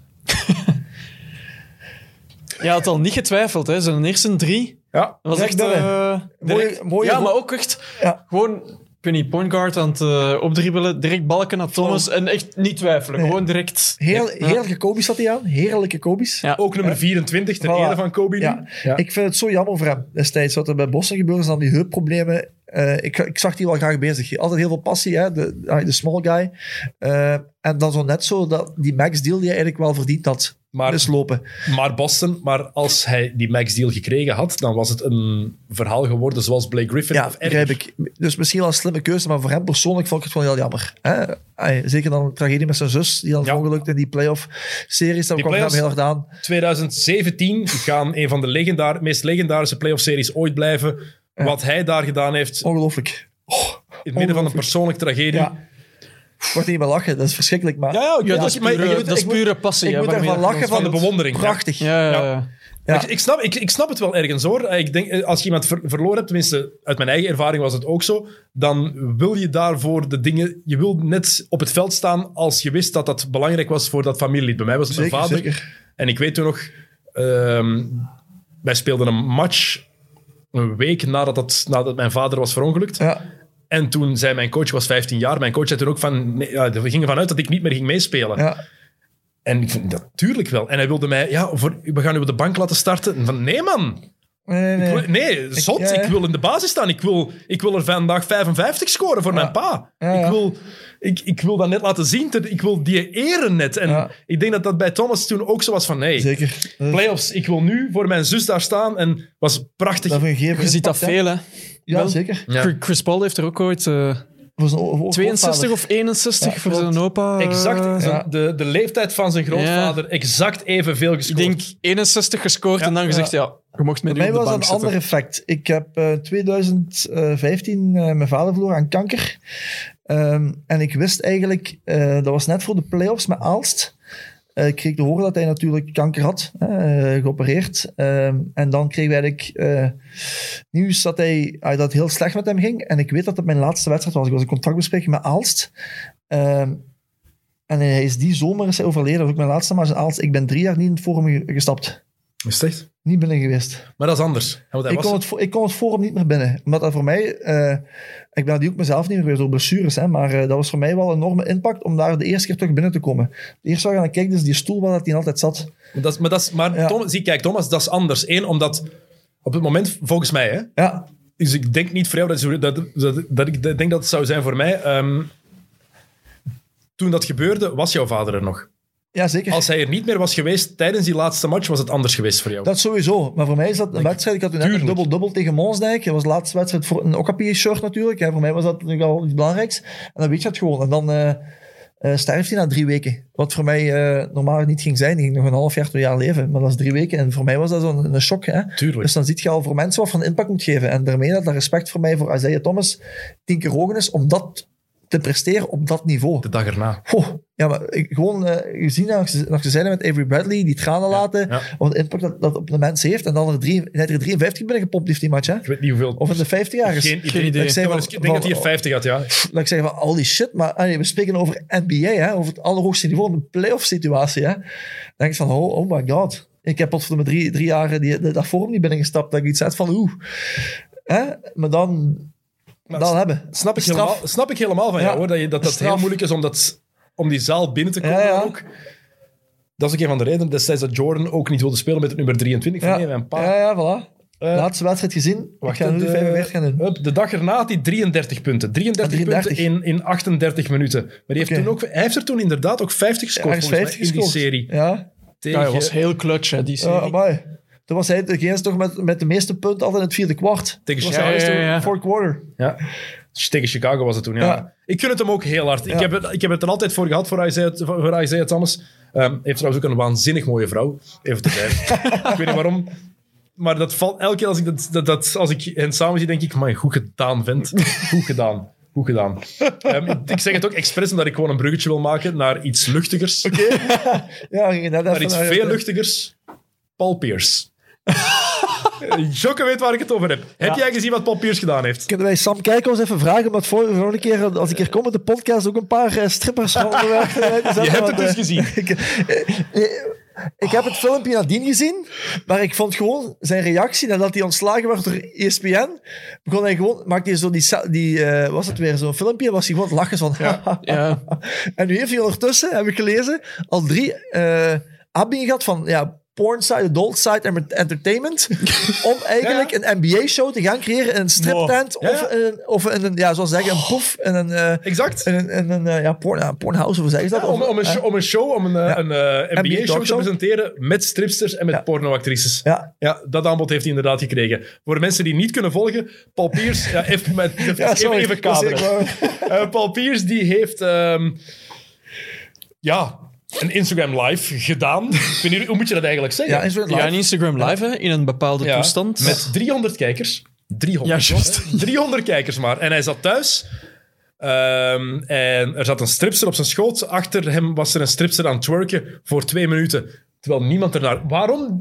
Dat vroeg ik me... ter- Ik ga het even eerst vertellen. Dus die vrouw was aan het twerken daarachter. Ja. Eh, en dan iets later kwam er nog een filmpje waarin eh, Paul Pierce een joint aan het smoren was. Ehm, wat op zich geen probleem is, zeker in de States, omdat dat al heel legaal is in heel, in heel veel staten daar. Ehm, dat is gewoon ook... De NBA heeft het zelfs gelegaliseerd nu, dus wat het probleem daarmee is, I don't know. Ehm, maar wat, dat is niet in goede aarde gevallen bij ESPN, is daardoor ontslagen en heeft daar, als Thomas het zegt, op gereageerd door daar gewoon een lachend filmpje daarna te sturen. paar vragen wel bij het filmpje. Die stripster achter Paul Pierce. Voor wie was die aan het werken? Ja, ik, ik heb het filmpje voor gezien. de camera toch? Ik, Maar dat was mij, mij was die twerk-dame niet echt opgevallen. Wat mij wel opgevallen was, en dat is ook eh, de respons geweest van... Oké, het waren stripsters, daar zijn ze achtergekomen nadien, maar die hadden allemaal hun kleren aan. Ook al. Ja, de meeste op het filmpje dat verspreid is, wat ik gezien heb nu, waren ze gewoon allemaal gewoon aangekleed. En waren het zogezegd van hem kennissen. Ik heb niet gelezen wat het probleem van ESPN was, maar Ja. ik dacht, ik, ik zou denken, iedereen zat daar zonder mondmasker. En ze zijn heel streng daar bij ESPN wel over. Maar was het geen privé-situatie? Ja, maar dan nog. Die stripsters gaan wel ingehuurd zijn. Hè? Ja, oké, maar... als-. Dat is eigenlijk nog wel het grappigste, dat dat dan gaat over het feit dat hij geen mondmasker aan had. Ik weet het niet. Ik denk dat, hè. Ja, nee, ik heb daar niks van gelezen. Het gaat over zijn, eh, wat ik gelezen heb, over zijn eh, als rolmodel, dat je zulke dingen in deze situatie geen strips gaat overkomen en dat er Ah, voilà. geen drugs gebruikt wordt. Eh, maar die drugs had ik zelfs nog niet gezien. ik, had, ik, had, ik had gewoon de strips Nee, maar je zag wel- verhaal. Zijn ogen, zijn, zijn Ja, ogen Ja, waren dat. Zijn duidelijk. ogen waren... Ja, he, he, he Hij was, kwam he- precies net wat als he, he was feeling good. Hij was een beetje Die, tipsy, die, een beetje lagen op, die aangeschoten. lagen op half zeven. Ja, die ogen, dat was echt... Maar eh, ja, dom van hem, hè. Ja, Even vooral dom. Maar ja, hij is nu... eh, Waarom zet je dat online? voor 300 kijkers ook. Exact, Dat vind ik ook heel grappig. Exact. Maar Jokke daar zegt dat vooral. Voor Ja. 300 kijkers. Straf, hè? Ja, Ja. nu, eh, nu hebben we- iemand schreef erbij, ja, eh, every, oppor- eh, hoe zeg je dat? Every bad situation komt een nieuwe opportunity. new opportunity. Dus nu heeft hij voor 250.000 euro aanbieding gekregen voor één live show NBA te gaan. En ik moet ook wel zeggen, ik ben heel blij dat hij weg is van ESPN, want ik vond dat een kut Verschrikkelijk. Ja, ik, vond, echt. ik vond hem ook slecht. En ik vond ben ook sowieso heel veel discussies met mijn broer over gehad. Nu was hij blijkbaar ook geen fan. Heb ik van de week pas gemerkt dat hij ook geen fan was van Paul Pierce, de analist. Maar hij was grote fan van Paul Pierce, de speler. Ik nooit. En dat komt allemaal vooral, terwijl, het is belachelijk, want die gast, ooit het verhaal gehoord dat Paul Pierce is neergestoken. Nee, Ja. Paul Pierce heeft, hoeveel messteken was dat? ja, in zijn gezicht en zo. Chris Copeland wil ik wel. Ik ga even... Chris Copeland, destijds van Aals, is wel in New York toen eh, neergestoken geweest. Ja, maar Wel. Paul Pierce die is ook ooit in een nachtclub. Ja, kijk, 2011 Eh, keer neergestoken in zijn gezicht, nek en rug. Hoi. 11, eh, 25 september 2000. Dus een dikke maand later begon het seizoen. Paul Pierce heeft het hele seizoen gespeeld. Amai, joh. Ja. Dat wist ik niet. En All-Star seizoen was een... Was, dus dat is echt wel straf. In een nachtclub inderdaad. In zijn gezicht ook, hè. Nek, rug. Strafgekost. Ja, voilà. Dus serieuze, serieuze schade. Heeft Ja. toch alle twee... Heeft alle matchen gespeeld, hè. Ja. Geen Nee, nee, nee. rust. 82 matchen gespeeld. Dat is heel straf. Wat, wat mensen zullen respecteren, respecteren aan Paul Pierce is wel altijd dat die, eh, ook al waren de Celtics in een bepaald moment echt trash, dat hij wel altijd 150% inzet toonde. Ja. En daarom dat hij ook zo enorm gerespecteerd is. Oké, hij heeft een championship gewonnen in, in, Boston nadien. Eh, maar hij is ook een van de, een van de denk, top 5 leading scorers denk ik, in Celtic history, Ja. als ik juist ben. Heeft daar Eh, natuurlijk ook heel lang gezeten, hè. Heel lang gezeten, maar hij heeft ook elk jaar altijd maar volle inzet gespeeld. En dat wordt hem, hem gerespecteerd. Eh, clutch was hij wel, hè? Absoluut. Dus dat moeten we niet flauw En af en toe Dus, vond hij eh, het ook nodig om blijkbaar in een rolstoel te gaan zitten. ja, oh, dat blijft dan- toch het beste dan- beeld als hij op dat fietsje terugkomt. Het is het meest gênante beeld aller tijden in de NBA. Paul Pierce, die, opgedra- die opgetild wordt door zijn, door zijn ploegmaat en er dan zo hangt als... Ja, Dus, toen deed me soms een beetje denken aan Eli Iserbiet, de veldrijder. Die is ook al twee keer zo opgepakt ja, ja, als een lappe pop. Zo, als, hij, geblesseerd aan de kant ligt. Zo. ja. Ja, oké, maar die Iserbiet die weegt misschien 20 Ja, kilo. ja, maar het gaat puur over het feit opgepakt worden. Ik zou denken, als ik geblesseerd ben, laat mezelf kruipen ja, ja. naar de kant. Jullie gaan mij niet met vier man oppakken. Nee, dat doe ik niet. à la Kobe Bryant, hè, Achilles afscheuren Kijk, en dan en toch eh, exact. Ja. Puur gewoon Ja, ik, belachelijke ik laat trots. me niet doen. Ja, ik heb trots en ik ga niet uh, ten neerslagen op een brancard of op een rolstoel door de wacht. Ik ga zelf buiten wandelen. Zelf zware knieblessure, Ja. je kan steunen, oké, maar niet... Kleed, kleed toch ook, maar oké, kruisband dat nog, hè? Ja. Jezus, Mina. Maar ja, kijk, kruisband. Maar Paul Pierce had niks. Nee, ja. Had niks. Dat in zijn broek gekakt. Ja, die, ja, het is dat. Die moest toch naar het toilet? Ja, dat is niet, dat is niet bevestigd. Ja, dat is effectief al gezegd geweest. Ah, Heeft dat daar zelf ook al mee Ja, gelachen. ja, hè? ja, ja. Oh, Heeft, daar zelf did. mee, heeft dat zelf eens een keer gezegd van ja, ik moest gewoon naar de wc. Ja. Maar ze speelden toen in het wit. ja, Ik denk dat hij, als hij effectief in zijn broek gekakt had... zijn tights. Maar ja, die hebben, ja, het is dat. Die hebben wel zo Maar dat, tights met pets. Ik heb dat ook in het zwarte. Oh, ik, zou dat, ik hoop echt dat hij in zijn broek gekakt heeft toen. Dat zou ik Ja, het oké. beste vinden. Ik heb er wel respect voor als speler. Nadien, eh, Het is, hey, het is een topbasketter nadien geweest. eh, heeft het zijn carrière iets te veel uitgemelkt bij de Clippers en bij de War, Het is, eh, het is Wizards. jammer dat hij nog En bij de vertrokken Nets. is. Ja. Ja. bij de eh, Nets eh, was om ook te al- stoppen. Ja. Nets was nog oké, maar nadien eh, Clippers, eh, w- eh, Wizards... eh, pff, Hey, nee. Wizards heeft hij toen die game winner gescoord. Ja, in de weet ik, tegen de playoffs. plank. He called Tegen de game. plank, ja, tegen de plank. Ja, kom. Nee, maar ik, het is een, kijk, maar dat is het ding, hè. Het is niet omdat je zegt van, ik moest die niet, of ik zag die niet graag bezig, Nee. dat het daarom een slechte Nee, basket nee, je hebt altijd zo'n beetje voor. voordelen. Ik ben ook geen, ik ben ook geen Jannes eh, grote fan. Ik heb net al een paar keer gezegd, maar die moet je wel respecteren, want hij doet het wel. Ja, de vraag is nu enkel alleen, moet je bij een tv-zender ontslagen worden omdat je niet het juiste voorbeeld geeft? Want als je kijkt naar heel wat NBA-spelers nu, die ook rare dingen online zetten en zo, Kijk, het die zo- krijgen misschien wel later die kans nog. ja, En dan vind ik dat een beetje hypocriet. Dan vind ik het belachelijk. kijk eh, we zitten hier in een eh, gebouw met heel veel mensen die kennis hebben van sociale media. Eh, het gegeven van topsport is nu zo openbaar naar iedereen toe. En iedereen kan er zijn mening en zijn reactie op geven. En dat wordt ook misbruikt. Hè? Ik weet niet of iedereen het gezien heeft van de week. eh, Kevin Durant, Michael Rappaport. Ja, ja, ik heb het Eh, net hetzelfde. Oké, dat wordt dan eh, nu gevergroot als slur naar de, eh, was het, eh Hollybee eh, Foundation of de Hollybee-wereld. Ja, ja. hè, eh, dat dat slecht is. Maar, ja. maar hij zei ook van, ja, ik zal zo, zulke dingen nooit niet publiek of met mensen delen. Of eh, het openbaar gaan zeggen. Hè? Ja, ik, ah, wel, ik heb daarover nagedacht ook. En ik vond dat Kevin Durant zich daar heel gemakkelijk van afmaakte. Ja, heel- veel te easy. Want, maar voor mij kwam hij ook niet oprecht over. Nope, mij was hij, dat- hij hij zei, van- ik vind het kut dat de mensen dit van mij gezien en Ja. gelezen hebben. Maar had geen spijt voor wat hij gezegd had. Nee.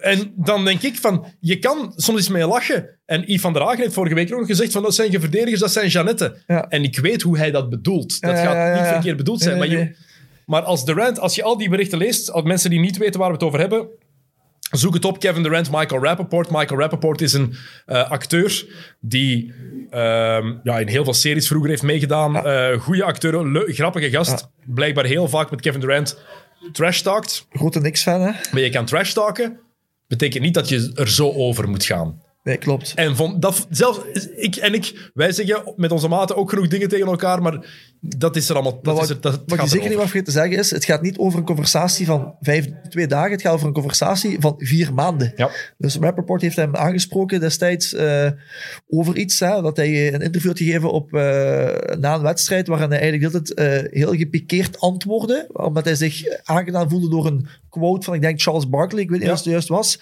Eh, en Michael Rappaport had gezegd van, je kan misschien wel het eh, fatsoen hebben om correct te antwoorden als mensen met die standaard of u een vraag stellen. Eh, en hij had daarop gezegd van, ja, ik, Als ze, als, ze, als, ze, als, ze, Ja, als ze iets- geen respect voor mij tonen, dan ja, voilà, er inderdaad voilà, en dat is echt uitgemond. Eh, dat heeft van een maand eh, volgehouden. Is dat stilgevallen. En na drie maanden heeft hij out of the blue KD opnieuw naar Rappaport een bericht gestuurd out of the blue met weer zo ja, slur en, en, en verkeerde eh, woordingen. En Rappaport heeft dat Ja. gedeeld en hij zou dat nooit gedaan hebben als KD niet over de vrouw van Rappaport was Ja, begonnen. klopt. Heel simpel. Ja, Dom. Ja, we weten nu allemaal al dat Kevin Durant de langste tenen heeft die er ooit zijn geweest in de Ja. NBA. Ik, ben, ik vind KD een fantastische basketter, hè? klopt. maar als, als ik afga op wat ik van hem zie, dan denk ik soms, ja, gast, doe normaal. Ja, hij heeft natuurlijk zijn voorgeschiedenis met zijn accounts ook allemaal. Ook al. Dus Ook al. Oké, goed. Ehm, on that note, we moesten het shirt nog weggeven. Yes. Voor de mensen die effectief denken dat we dat in het midden van de uitzending gingen doen, die zijn nu... die hebben lang, die hebben anderhalf uur mogen wachten, denk ik. Ehm, jullie kunnen het shirt winnen van LeBron. Ik zal het vasthouden voor de mensen die het eens willen zien, die op YouTube kijken. Voilà. Schoon, hè? We dachten, Space Jam, een nieuw legacy komt uit, dus dan geven we een shirt van LeBron. Hè? Ga je kijken naar de nieuwe Space Jam? Absoluut, maar ik zal eerst nog naar de echte kijken. Ah, wel, ik ook. We gaan een marathon doen. Ja, voilà. Ik ga, en ik ga zeker... Sorry, ik ga niet nuchter kijken. Sowieso niet. Ah, Paul Pierce-style. Dat weet ik. Dat zou wel heel tof zijn. Nee, nee, nee. Ja, ik, Dat ik, zou ik wel tof vinden. ik moet wel zeggen, ik heb nu de preview gezien. Het ziet er wel heel, heel leuk uit. Ja. Ziet er wel echt cool uit. Het ziet er echt heel cool uit. Dus ik ben wel heel benieuwd. Ik ook. Maar eh, ja, natuurlijk. Voor mij de GOAT eh, blijft MJ. Hè? Eh, ik, ik denk dat ik de eerste al ondertussen eh, 80 keer gekeken heb. Voor mij blijft dat nostalgie. Ik heb die van buiten. En ja. oude ploegmaat van mij, ik heb hem al lang niet meer gezien, ehm, die heeft, is een gigantische Space Jam fan en die heeft er een tatoeage van laten zetten. Weet je wat hij gedaan heeft? Nee? Hij heeft een pot confituur laten zitten met daarin ruimte, zo planeten. Space Jam. Oh, dat, vind ik, dat vind ik fantastisch. Echt waar. Dat Ja, vind ik nu heerlijk. fantastisch. Swat, het shirt van LeBron James. Goed. Terwijl dat helemaal geen goede film is eigenlijk. Hè.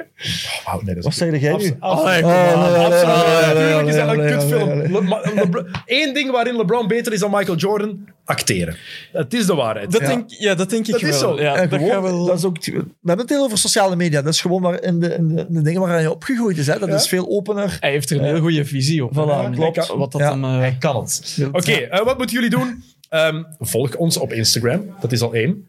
Volg de, volg de XNO's podcast op Instagram. Tag drie vrienden. ehm, en like onze post. Daar begint het mee. En we proberen onze social media aanhang een beetje te vergroten. Dat werkt. Blijkbaar. Ja, tuurlijk. Ik wil, ik wil hier ooit, met deze podcast, wil ik hier 1 euro verdiend hebben. Eén. Oké. Gewoon, ik weet niet hoe, maar iets. Het is seizoen nummer 6. En de teller staat op min veel. Min heel veel, denk ik. Ik ben zal heel je blij zelfs dat... een euro geven. Ik wist dat je... Een euro! Hier een euro. Ik wist dat je dat ging zeggen. Oké, goed. Jokke, merci dat je er waart vandaag. Thomas, bedankt om langs te komen. Bedankt voor het shirt. heel graag gedaan. Aflevering 102 en iemand neemt een cadeautje mee. Wel, ik ben onder Het werd tijd. Ja, ik ben zwaar onder de Ja. indruk. Ik had het niet verwacht. Eh, ik bedank jullie voor het kijken, wie op YouTube gekeken heeft, en voor het luisteren. En ik zal het nog eens zeggen voor ik het vergeet. Vergeet de andere podcast van eh, Friends of Sports niet. Er was eerder deze week Kick and Rush met Jacob, met, zeg ik, met Jelle, Leroy en met Tim. Er was Mit Mit met Sam, Evert en met Martijn Heijlen. Het ging vooral over KV Oostende en over de geweldige reeks Kustboys die op Play Sports komt vanaf vandaag. Het is vrijdag dat dit uitkomt, dus vanaf vanavond komt hij op antenne. En er is ook Valsplat. En die aflevering die komt iets na de deze online. Dus die kan u ook beluisteren. Valsplat met Flanders Classics CEO Thomas van de Spiegel. Dat zal onder andere over de Ronde van Vlaanderen gaan, veronderstel ik. Wij zijn heel snel terug. Normaal gezien hebben we volgende vrijdag opname met... Jokke, ben je er klaar voor? Eh, ja. Jong Mavu, hij komt. Wauw. Het is zover. Die ging normaal twee maanden geleden al komen, maar het is uitgesteld. Normaal gezien komt Jong Mavu. Hopelijk lukt dat. En anders zoeken we wel een alternatief. Anders dan komt Jokken hier terug zitten en dan gaan we wat Nog eens. over NBA. Oké? Ça va. Alright, goed. Tot de volgende keer. Salut.